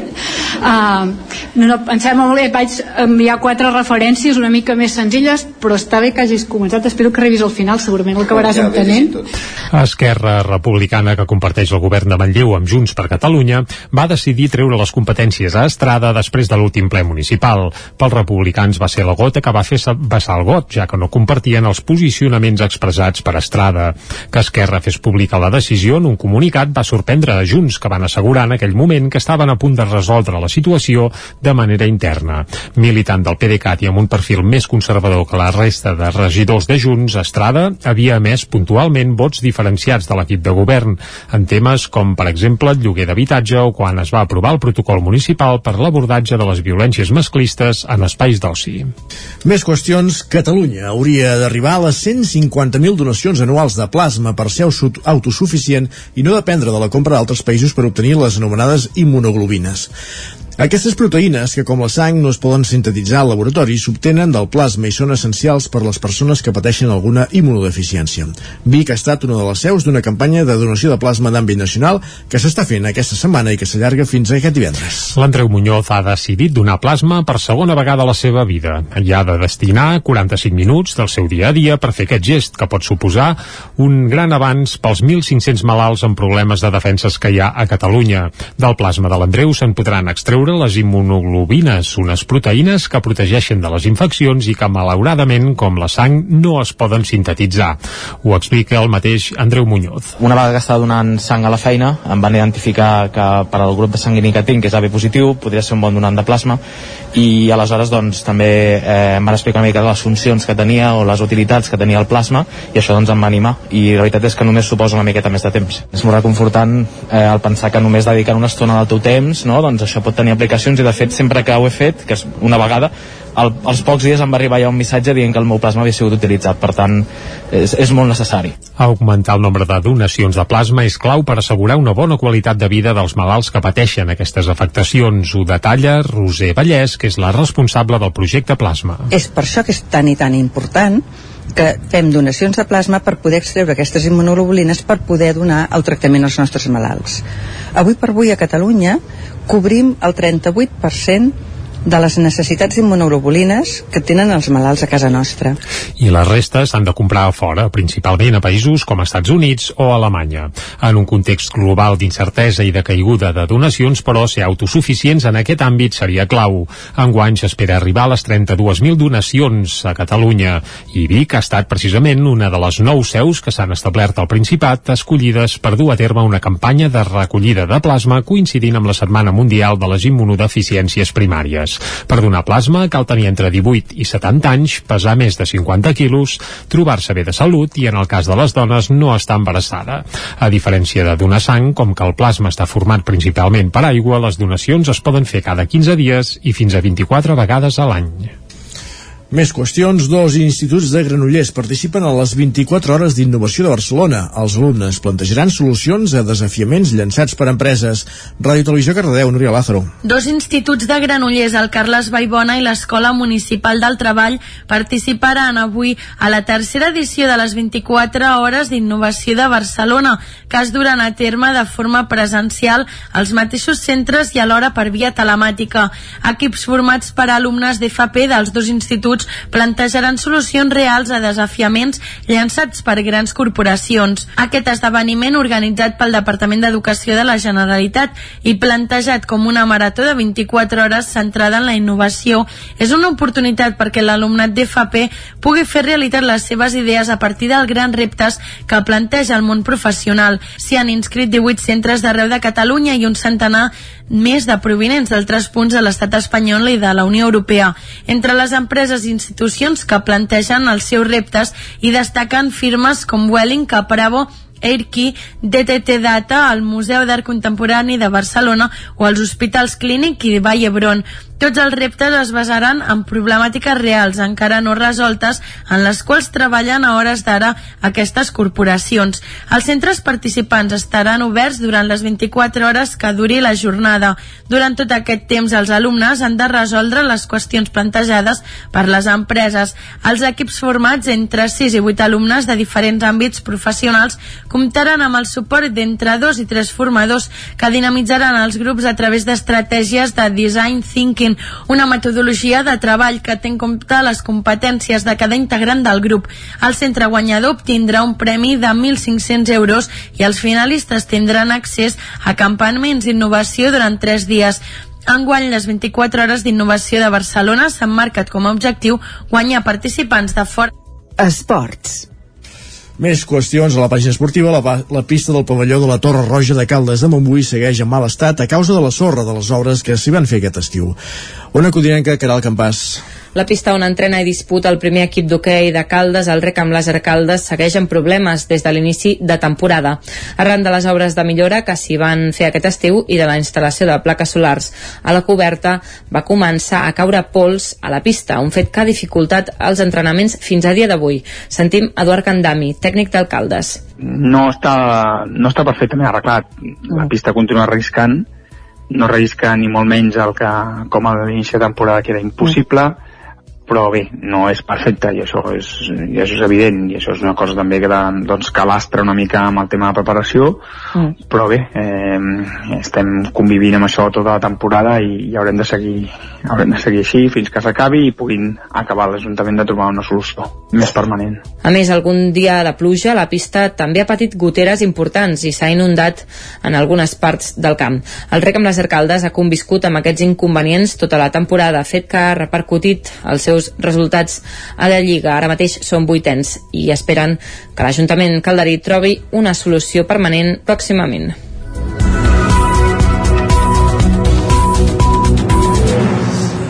Arribem a un quart de 12 i amb aquesta informació que ens feia la Caral Campàs des d'Ona Codinenca tanquem aquest repàs informatiu de les 11 en companyia també de la Núria Lázaro, l'Isaac Muntades, en Joan Garcia i en Jordi Sunyem. Moment al territori 17 de parlar de llengua. Tot seguit saludem ja la Cristina Enfrons. Territori 17. Envia'ns les teves notes de veu per WhatsApp al 646 079 023. 646 079 023. WhatsApp Territori 17.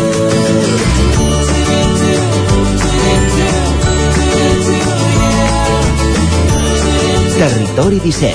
Som a Facebook, Twitter i Instagram amb l'usuari Territori 17.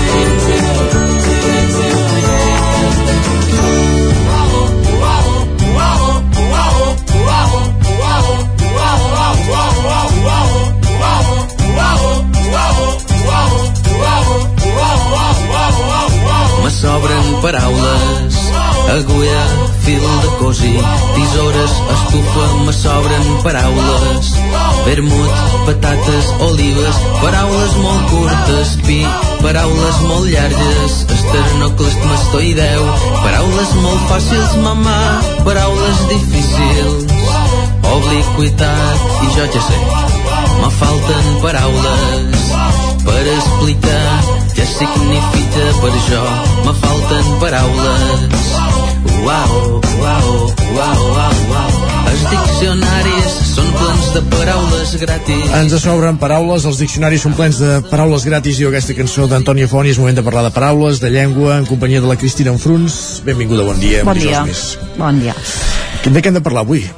Va, avui eh, segurament que tots sabem que, que aquest abril va començar la campanya de la declaració de la renda. Ui, tant que ho sabem, sí. Doncs bé, eh, els contribuents diu que tenim fins al 30 de juny per presentar-la. Doncs avui toca parlar d'aquesta paraula renda. En primer lloc, Amb D. recordem això, eh? No hem de dir la renta, sinó renda. Eh? Vigilem amb, amb aquestes paraules i també amb els adjectius rendible i rentable.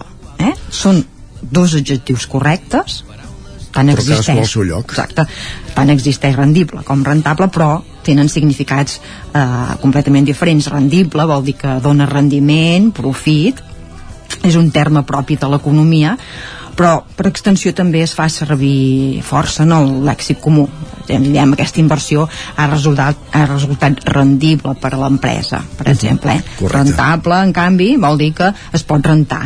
Eh? Direm, aquesta peça de roba és rentable. Mm? Tot sovint què passa? Doncs que per influència del castellà es fa servir per equivocació aquest rentable Mhm. per fer referència al terme econòmic i si, si no és que el que volem dir que una inversió o una acció es poden rentar doncs hem de fer Que servir estaríem aquest. parlant d'una operació en diner negre i el volem rentar que sigui exacte. blanca, no? Exacte, llavors serà una altra, una altra qüestió, eh? Per Però en tant, principi vigilem, vigilem on volem rentar les operacions vigilem que, el que diem. que podem acabar malament. doncs això, eh, igualment eh, les, les formes rentabilitat i rentabilitzar en català no existeixen, sinó que els mots correctes seran rendibilitat i rendibilitzar eh? Per Molt bé, rendible. Eh, rendible i eh, renda Eh?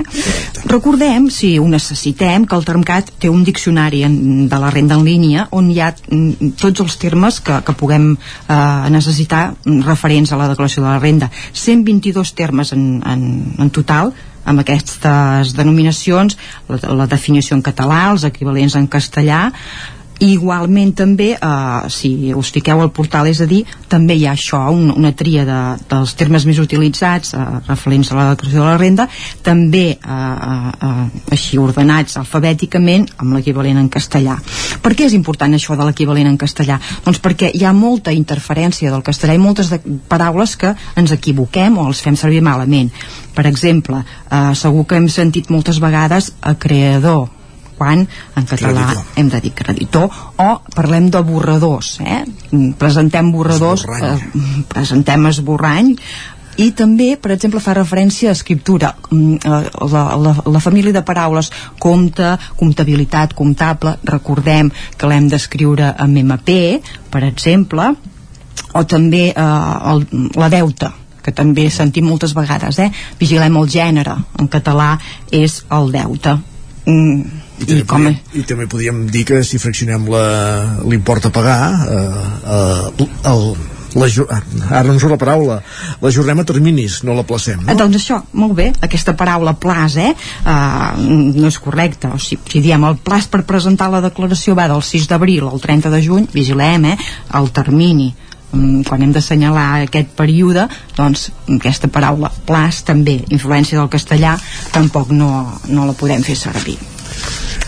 i acabo, Isaac, si em permets, tant, sí, sí. amb una mica de refrenyets. N'has dit, perquè... molt, dit moltes avui, eh? N'he dit moltes, és que sí, eh? Amb aquest... La, la lliçó avui era complexa, per, no perquè siguin difícils les paraules, sinó perquè n'hi havia moltes avui. Però les has endevinades totes. Ah, sí? no, perquè, i però són molt freqüents, eh? Fixa-t'hi, eh? Parlant, segur que és que la primera ja se'ns escapa moltes vegades, eh? Fem la declaració de la renta. Correcte. Mm, doncs bé. No, I el rentable també és una cosa que sento cada dia. Molt, sí, sí. molt. Sí, sí, és, és força freqüent. Doncs bé, una, una, una petita repassada així.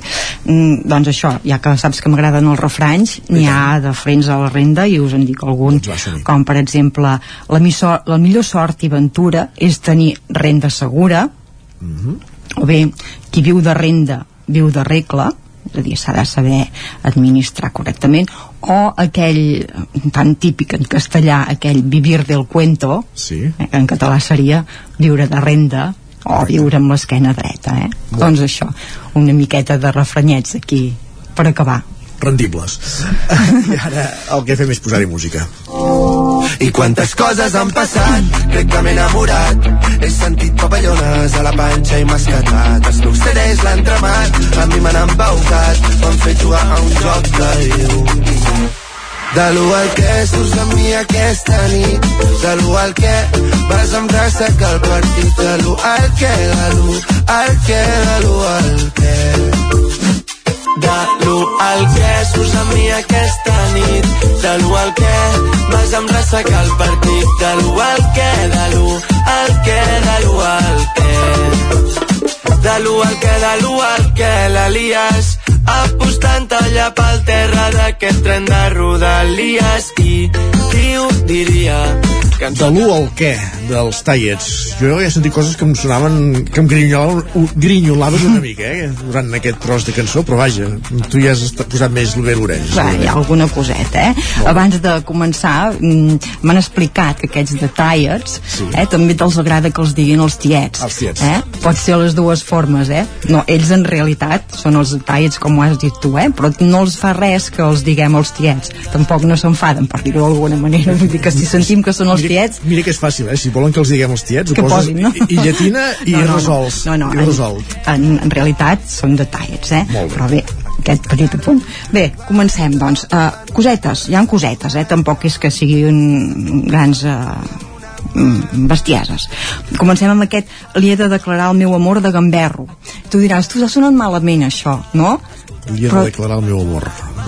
Però, gamberro, aquest gamberro Et sona malament a tu? No, és correcte, no gamberro. Ah, doncs val, això volia dir. Fem, ostres, gamberro, això no, No, es diu en català. Quan ho has dit, pensat ja en la construcció aquesta, però No, el gamberro em sona més. la, la, la construcció està, està bé, eh? però aquest gamberro que ens pot semblar que no està correcte, doncs existeix, eh? està recollit al diccionari normatiu al Molt bé. costat de brètol, per exemple, eh? però com abans poder dir, fer una gambarrada, ostres, això et, et feia mal a les orelles, doncs no, eh? Es, eh existeix i està, és normativa al costat, això, eh? igual que brètol, doncs bretolada, eh? però que sapiguem que podem dir perfectament gamberro.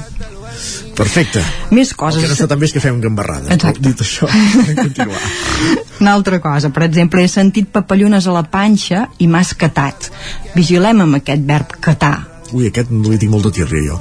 Doncs, ja. Sí, doncs n'has de tenir-n'hi, eh? perquè no, no, no, és, no és correcte, és castellà, eh?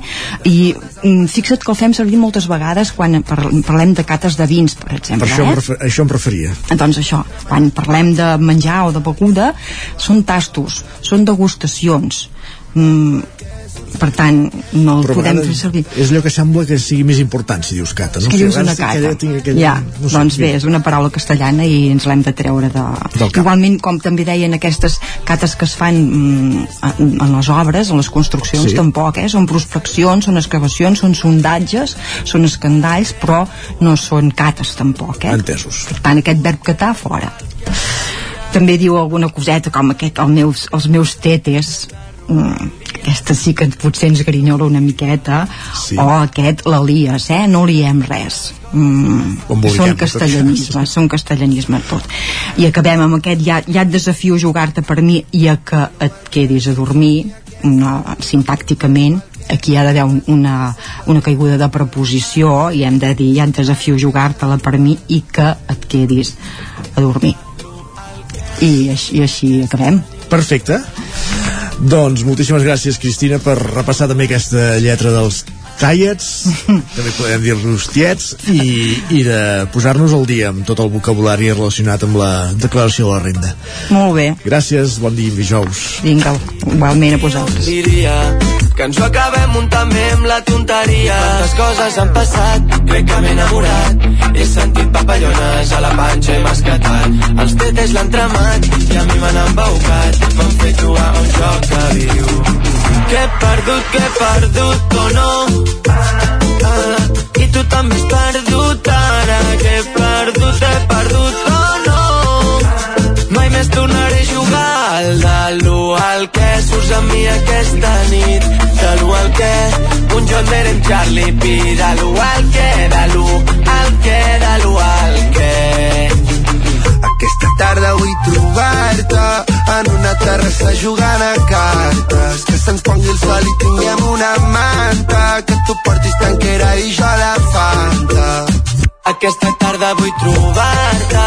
Escoltar trapeton penjant la maca i jo et desafio a jugar-te-la per mi ja que et quedis a quantes coses han passat, crec que m'he enamorat. He sentit papallones a la panxa i m'ha escatat. Els meus CDs l'han tramat, a mi m'han embaucat. M'han fet jugar a un joc que diu de l'1 al que surts amb mi aquesta nit. De l'1 al que vas amb traça que el partit. De l'1 al que de l'1 al que de l'1 al que. He perdut un de l'1 al que.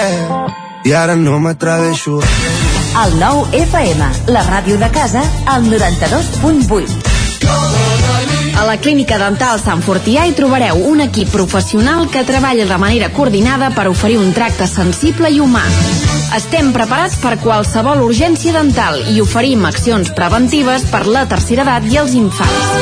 El doctor Ramon Garcia, implantòleg de Barcelona, fa 10 anys que visita Torelló. Clínica Dental Sant Fortià.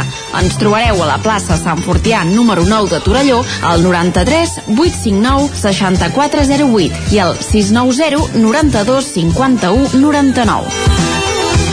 A El Racó de León ja és primavera.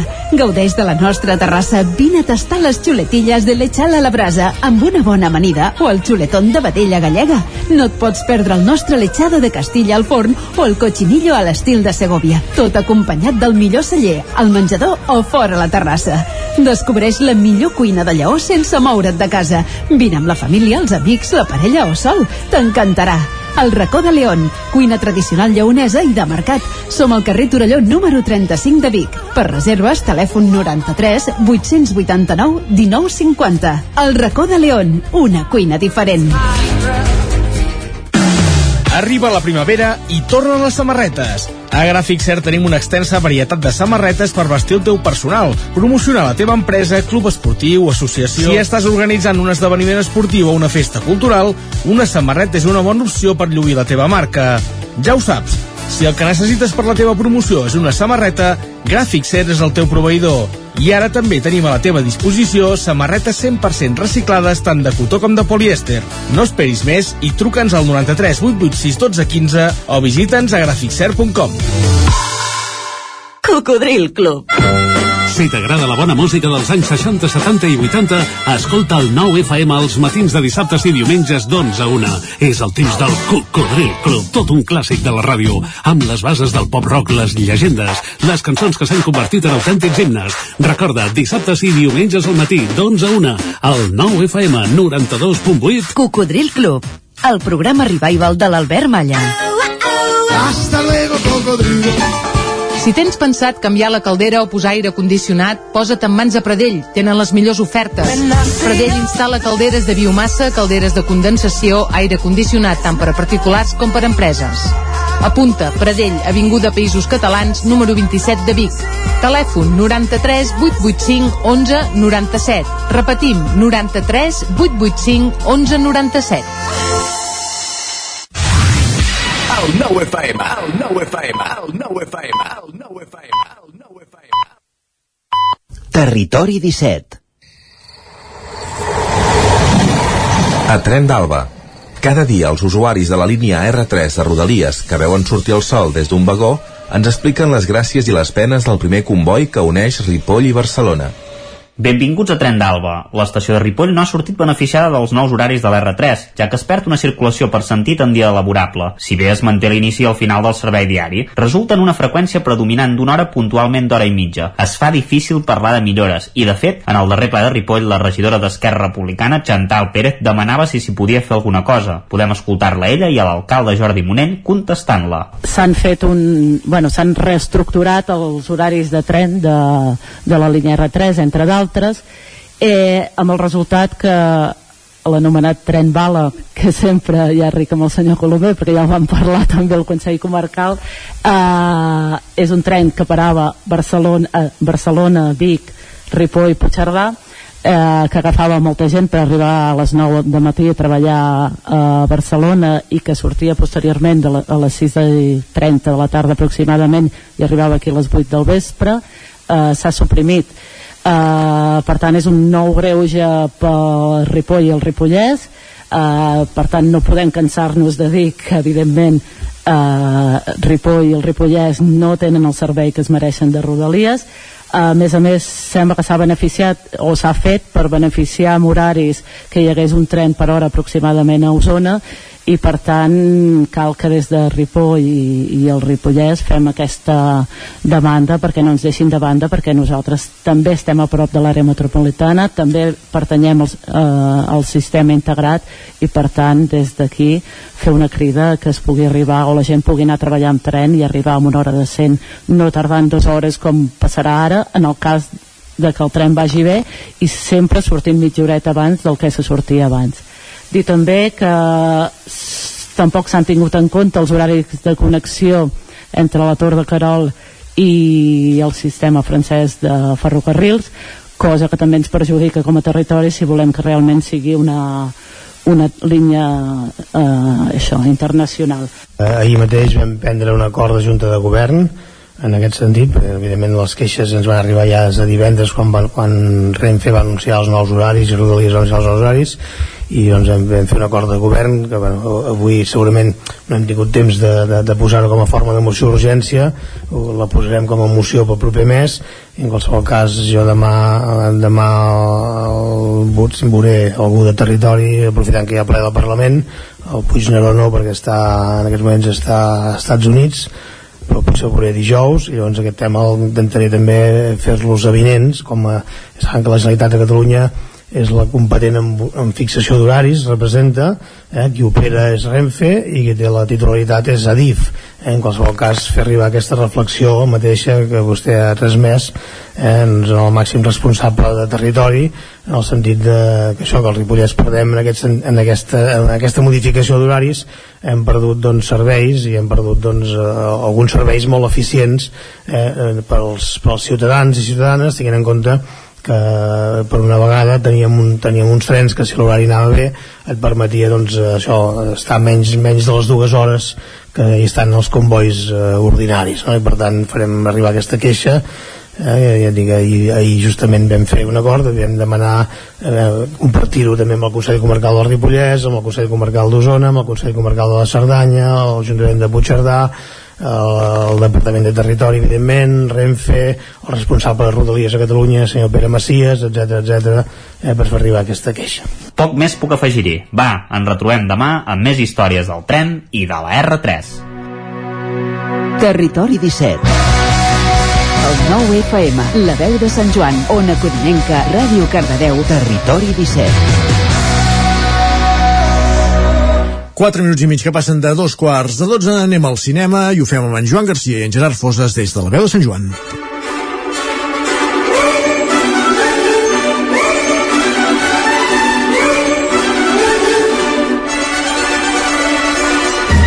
Les estrenes de la setmana i l'actualitat cinematogràfica amb Gerard Fosses. Una setmana més, moment de parlar de cinema a la veu de Sant Joan i també Territori 17 amb en Gerard Fosses. Hola Gerard. Hola, què tal? Bé, com va això? Bé, ha, ha desaparegut aquella careta que deia el meu nom o què? No, però com que això està gravat, la poso després. Ah, vale. ai, ai, la màgia de la ràdio. L'hem sí, destrossada, sí, sí, l'hem sí. destrossada. Bueno, que em fa il·lusió sentir el meu nom, que no, sigui, que no fos de la teva veu. Doncs escolta el programa. uh, Què ho faré? Um, Gerard, no sé, tinc la sensació que aquesta setmana hi ha, hi ha, hi ha una estrena que se n'ha parlat molt, però tinc la sensació que, és, que és, no és pas una gaire bona època, potser aquesta després dels premis i abans de l'estiu, o, o m'equivoco? Uh, bueno, ja ho veurem, però amb la promoció que ha tingut la pel·lícula jo crec que farà molt bona taquilla, de fet tinc moltes ganes de veure quina taquilla fa, i crec que abans de l'estiu justament és, és bastant bona època. L'altre mm. és que llavors ho traslladessin ja a la tardor i tal, però bueno, ja que és una pel·lícula que ha tingut vida el Festival de Berlín, que és el primer gran festival de l'any, doncs està bé que arribi pocs mesos després on encara hi ha una mica el, el bullici que, mm. que genera a partir d'aquell premi al rebombori mediàtic que ha tingut. Segur que hi, ha, que hi ha gent que li fa molta ràbia que parlem de les pel·lícules sense dir el, sense saber quina és perquè sempre ho diem al final. Bueno, però estem creant anticipació així Exacte. eh, aquí ens juguem a endevinar. Exacte. però bé, si, si algun encara no sap de què parlem estem parlant de la nova pel·lícula de Carla Simón que es titula El Carràs. Si el sol fos jornaler no matinaria tant. Si el marquès hagués de batre ja ens hauríem mort de fam jo no canto per la veu, ni a l'alba ni al nou dia. Canto per un amic meu que per mi ha perdut la vida, que per mi ha perdut la vida. No sé què més podem afegir de tot el que se n'ha parlat perquè aquesta setmana i, i ja en el seu moment, eh, però a més a més aquesta setmana també se n'ha parlat molt i a tot arreu Sí, i a més a més la, la veu de Sant Joan deu ser l'única emissora que no ha anat a fer un programa en directe des del Carràs. Exacte. perquè hi ha anat tothom. Ah, no ens vas escoltar el dimarts? Uh, no. Doncs vam estar... No, és broma, és broma. Vam estar amb unes vinyes o que sí. Sí, sí, però aquí Sant Joan, eh? Fem veure que hi era. Sant Joan mateix. Sí, sí. Entre els matorrals, bé. Exacte. Uh, bé, com hem dit, sí, hi ha poca cosa més a afegir i a més he de dir que encara no he pogut veure la pel·lícula perquè no vaig estar ni a Berlín ni, ni a Màlaga. Mm -hmm. uh, però bé, és, és, és la, una pel·lícula que una mica especial perquè està feta sense, sense actors professionals diguem que, tot i que és una ficció, eh, segueix una mica la, la vida d'una família que representa que fa la seva última col·lecta de, de préssecs, allà a Lleida, i diguem que el punt de partida de la història és, és l'avi de la família que, que deixa de parlar, mm -hmm. uh, per raons que, que es desconeixen.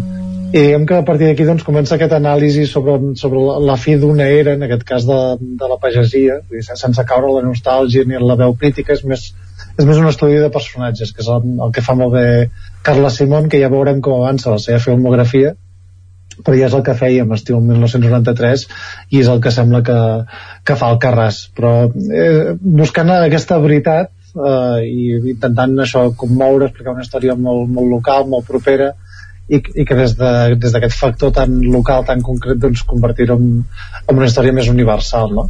Mm. I, i representa que ha funcionat moltíssim perquè òbviament va guanyar l'os d'hora a Berlín i serà molt interessant veure quina és la repercussió com dèiem tant a Catalunya com a Espanya perquè a més a més s'ha de s'ha parlat que hi ha teatres de poble que obriran exclusivament per fer la projecció de la pel·lícula amb tots els cines la programa no sé, que està molt bé que una pel·lícula així tan, tan petita tot i que és de, amb un pressupost més raonable ja que, que la seva òpera prima eh, doncs arribi a tanta gent i la gent tingui tantes ganes de veure'l no? per tant doncs, convidem des d'aquí també a fer aquest seguiment de, de l'obra de Carla Simon que és ara mateix la, la cinesta més important que, que hi ha a Catalunya i una de les més importants d'Espanya. Mm. la, la Berlinale l'han guanyat gaire gaires uh, catalans catalans potser no cap no, o, o sí. Uh, um, no sé si la si, si l'ha guanyat algú de, de, del nostre uh, país o del nostre estat. crec que un o dos ara, ara em fas dubtar però Uh, no n'hi no, no ha gaires, eh? Em sembla que havia guanyat algun al, al Trueba o alguna així, però, però fa molts anys.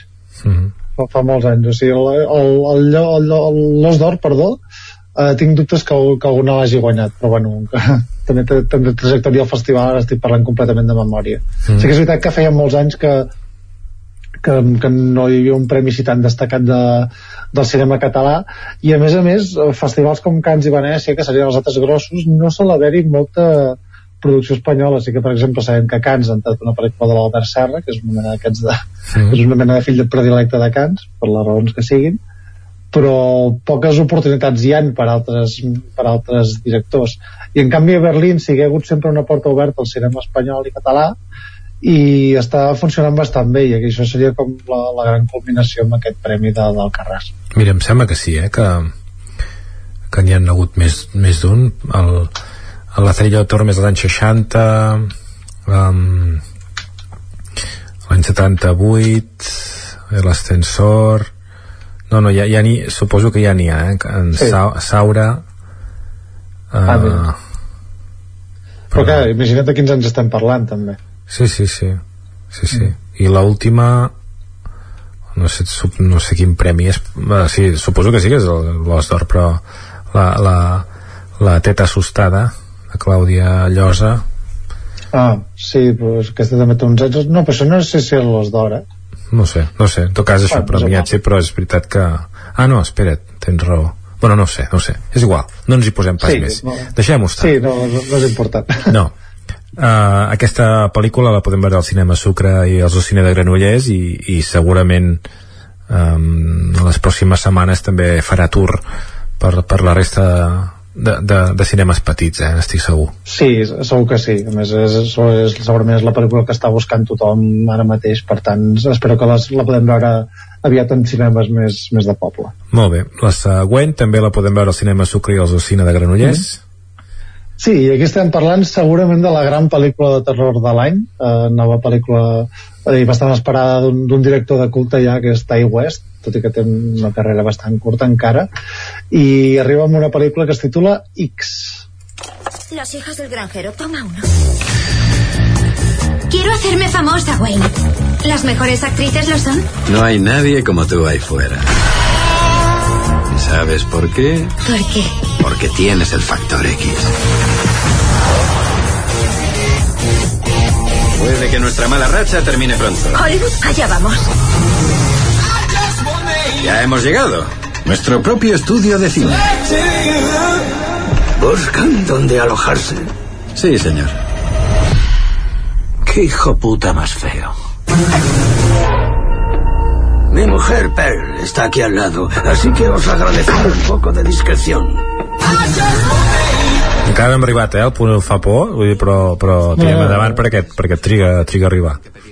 Sí, sí, sí. De fet, a, a la pel·lícula també, eh? Diguem que ja està compartida en dos meitats. El que passa sí que va generant una, una certa tensió que et porta cap al, al seu clímax d'aquest més, més violent, quan hi ha els assassinats i tot plegat. Um, com bé sabrà, suposo, uh, X és aquesta qualificació que els americans posen a Manic, també, que posen a les pel·lícules que, que tenen o alt contingut sexual o alt contingut violent, o a vegades les dues coses. Uh -huh. S'associa segurament més a la pornografia, no? però també és en, en pel·lícules de, de terror, amb gore i tal, que ten, arriben a aquesta qualificació. Uh, Ty West el que fa és jugar justament amb aquest concepte i, i barreja els dos temes. Um, tal com hem escoltat al trailer, la premissa és un, un grup de, de joves que van a fer una pel·lícula per adults a, a una cabana perduda d'aquestes de, de l'Amèrica profunda i diguem que els seus llogaters, que són dos, dos persones grans, amb uns altres valors doncs eh, no els hi sembla del tot bé no? i després a partir d'aquí comença la, la carnisseria pertinent mm -hmm. uh, però bé és, uh, m'agrada molt com està construïda aquesta pel·lícula perquè al final és com una, una celebració de, del gènere de terror mm -hmm. uh, dintre d'aquest segell de, de la lluita contra el puritanisme no? contra els valors establerts d'aquesta mena de recerca de, de la llibertat de buscar, d'explorar coses més extremes i, i és molt interessant també les reflexions que es fan dintre la pel·lícula sobre la mateixa construcció de la violència, de, de la sexualitat, del tipus de relacions Vull dir que no, no és una pel·lícula que sigui buida el, el guió realment és molt bo està molt ben dirigida els actors ho fan molt bé i a més a més és molt interessant aquesta estètica que li heu donat de, de, de pel·lícula de, dels anys 70 que tot i que la pel·lícula està rodada en digital, la seva intenció inicial era rodar-la en 16 mil·límetres, però que és, és molt més car fer-ho en, en pel·lícula. Eh, òbviament pels temes de, de, de que el material és molt més car ha d'optimitzar molt, molt més els temps de rodatge però tot i així té, té aquesta estètica, aquest regust com per exemple havia tingut altre, fa molts anys la matança de Texas o altres pel·lícules d'aquest estil i sí que aquesta pel·lícula recull totes aquestes influències i fa una cosa completament nova i alhora reflexiva sobre, sobre el tipus de, de pel·lícula que està fent no? Uh -huh mm. i sempre això de divertit, violent i, i amb tots els ingredients que, que se li poden demanar a aquest tipus de cinema Té, té gràcia perquè mm, durant la pandèmia això es va fer evident que, que hi ha gent gran que està molt sola i això i, i últimament les pel·lícules de por justament van al sentit contrari de, ostres, millor no us acosteu a la gent gran perquè són, sí. perquè són perillosos eh? Sí, en aquest cas, eh, diguem que entra en aquesta línia, però llavors va, diguem que agafa un, un gir bastant diferent que tampoc vull revelar. Vale, però doncs... dic, sobretot per amants de, del cinema de terror, eh, és una pel·lícula absolutament sensacional, uh -huh. eh, pels amants del cinema en general també, per tant, però bé, sobretot per fans de terror que la vagin a veure perquè realment és, és una pel·lícula meravellosa. Molt bé, i aneu a veure-la, tot i que no podreu, perquè no la fan al nostre territori, potser haureu d'anar més lluny, la següent proposta que ens destaques. Sí, a més és una proposta d'aquestes que, que pedantment es diria com a deliciosa, eh, que és una pel·lícula d'animació d'Ari Folman, conegut eh, bàsicament per, per Vals com Bashir, no? perquè té uns quants anys que va guanyar l'Oscar també, i que ara arriba explicant una història amb un enfoc diferent sobre la vida d'Anna Frank. De fet, la pel·lícula es titula ¿Dónde está Anna Frank? ¿A qué esperas, Ana? Abre los regalos. Oh, es precioso. Ahí podrás escribir. ¿Y a quién escribes tú? Pues a mí, claro. Yo prefiero ver mi diario como a una chica. Mi mejor amiga. Y he pensado llamarla Kitty. ¿Kitty? Le gusta. A Navaja, te estoy esperando. ¿Ese va a tu clase? En efecto. ¿Con quién hablabas, Ana? Hasta hace un año todos estaban enamorados de mí. ¿Todos? Nuestra vida era maravillosa, pero un día todo cambió. Molt bé. Ja hem arribat, ja han arribat els nazis. Sí. Uh, pel·lícula d'animació, eh? Sí, és una pel·lícula d'animació i, i, i té una, una, una orientació, diguem, molt pedagògica. De fet, està, em sembla que és una iniciativa, de fet, de la Fundació Anna Frank, que volien fer aquest tipus de pel·lícules eh, bastant orientada al públic juvenil Uh, i, i és, és, és la història d'Anna Frank explicada des del punt de vista de, d'una seva amiga imaginària que és com uh, la persona a qui li, a qui li dedicava el diari o qui li escrivia el diari. I, i diguem que, que aquesta persona doncs cobra vida apareix en el, en el futur o sigui en l'actualitat.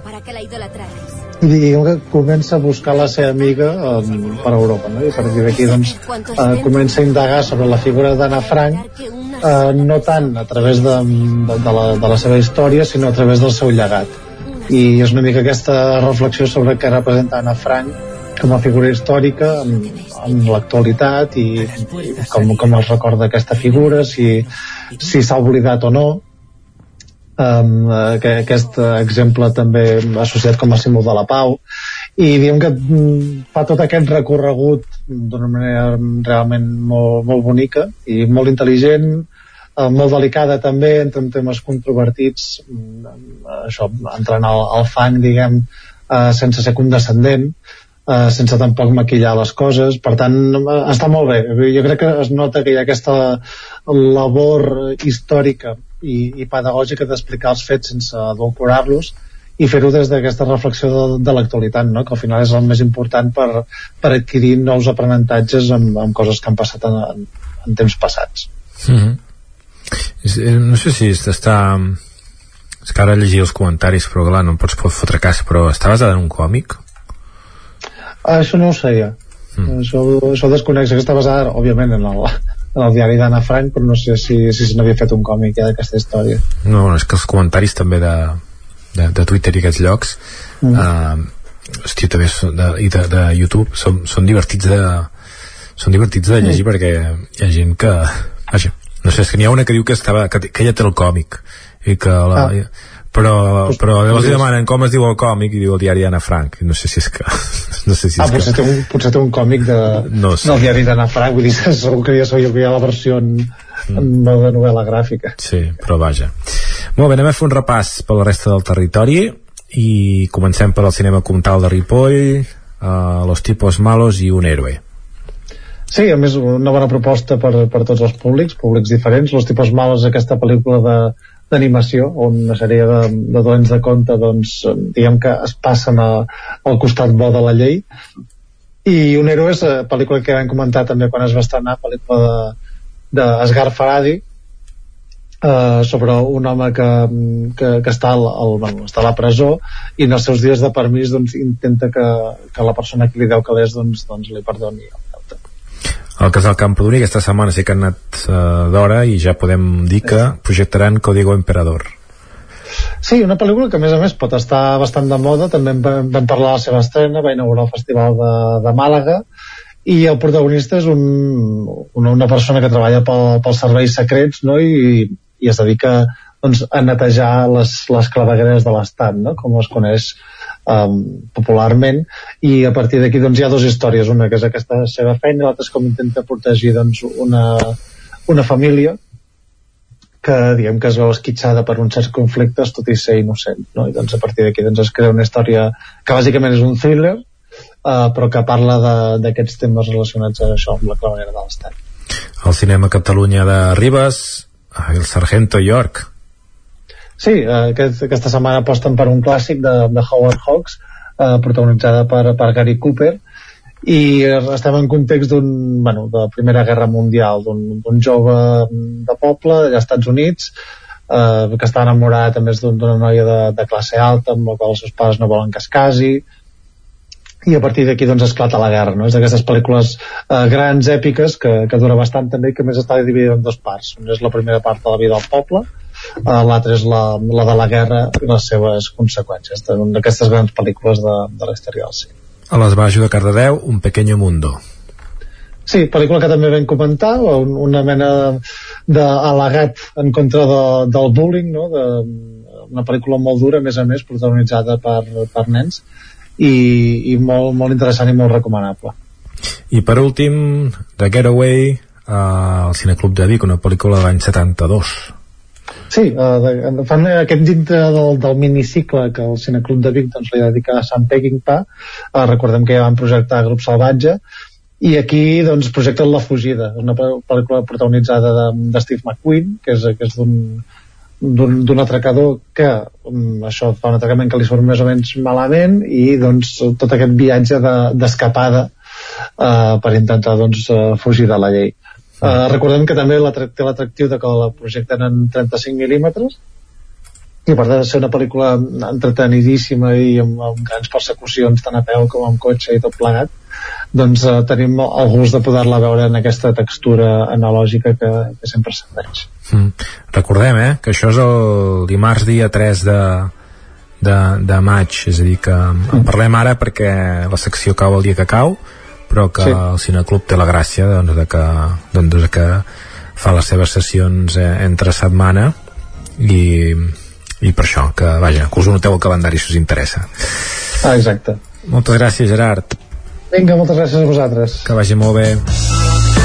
Gràcies a tu també, Joan, i acabem aquesta secció de cinema i el que fem ara és parlar de sèries. Tenim 4 minuts pelats per fer un parell de recomanacions, per tant dividirem el temps, dos minuts per la Caral Campàs, dos minuts per l'Òscar Muñoz. Caral, bon dia. Bon dia.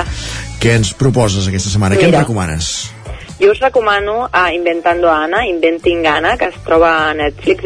És una sèrie de nou episodis d'una hora cada un i parla d'un cas real, val? És la història d'Anna Delby, que el seu nom real és Anna Sorokin, que és una noia de 20 i pocs anys que és russa, se'n va a Nova York i es crea una identitat falsa, eh, es fa passar per una hereva d'una gran fortuna i a través de fer diferents amics, eh, parelles, eh, contactes, Estàs fent, molt, aconseguint- estàs fent molt spoiler, eh? Perquè has dit es fa passar i clar, això no es resol fins al final. Però Clar. vaja, vaja, vaja. Val, perdoneu, bé, és una cosa que això eh, fa dies, fa bastants dies que ha sortit i jo crec També que tothom, bueno, més o menys ho pots haver vist a diferents llocs. Però bé, i a més a més el cas, si us, us explico, et dic això també perquè el cas es basa en una història real que, que una periodista que interpreta Anna Chomsky um, és qui va descobrir el cas i de fet el va descobrir de veritat um, i, i es va publicar uh, i bé, també apareix doncs, un personatge d'una periodista que i, i fa de fil conductor a través d'aquests nou episodis investigant el cas d'aquesta noia uh, i bé, és una, com us deia, eh, és una la, la protagonista és una protagonista que tot i tenir un nom diferent a la sèrie uh, és, és real i, i a través doncs, també de, de les xarxes, de, de, de penjar fotos, de comprar-se segons uh, quines, bueno, quina roba, uh, de fer diferents contactes, doncs es va, es va in, introduint dins de l'alta standing estatunidense, perquè fins i tot doncs, bancs, entitats bancàries li, li facin, li donin uh, préstecs uh, per, per tal de poder doncs, uh, uh, entrar aquí uh, i, i crear una fundació, que ella vol crear una fundació tot, de, tot de coses de, de qüestions de, de gent amb, amb molts diners uh, i bé, i es va fent a través, com us deia, d'aquesta periodista que, que va fer entrevistes amb ella um, amb per entorn. veure realment què ha passat. Doncs interessant, segurament aquesta proposta, Inventing Anna, eh, que podem veure a Netflix. Eh, què ens proposes tu, Òscar Muñoz? Bon dia. Bon dia.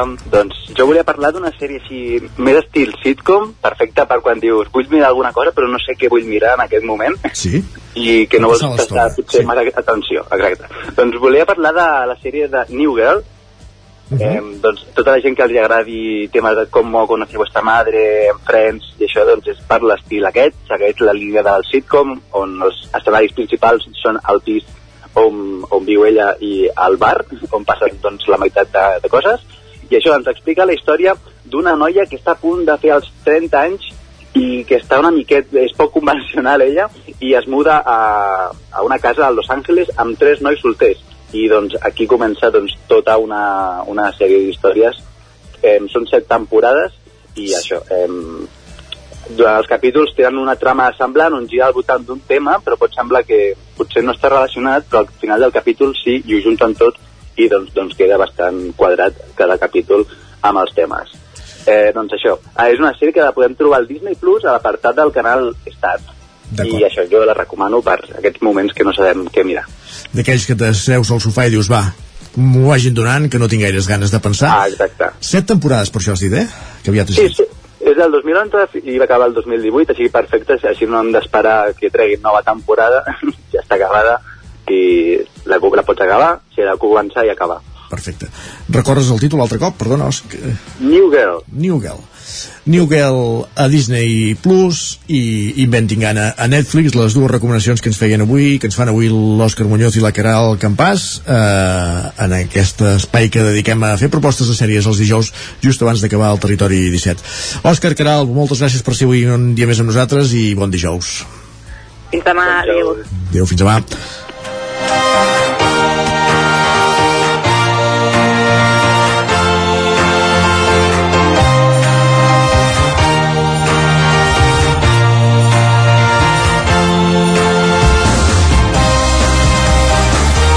Amb el setè art, amb el cinema i amb les sèries, acabem un dijous més al Territori 17, un programa que hem començat a les 9 del matí i en el qual, des d'aleshores, us hem acompanyat Pepa Costa, Natàlia Peix, Miquel R, Guillem Freixa, Maria López, Núria Lázaro, Cristina Enfruns, Isaac Muntada, Gerard Foses, Joan Garcia, Caral Campàs, Òscar Muñoz, Jordi Sunyer i Isaac Moreno. I tornem demà, estarem divendres, a partir de les 9, a la mateixa hora, aquí, a la vostra sintonia, al Territori 17. Passeu molt bon dijous i gràcies per ser-hi. Adéu-siau.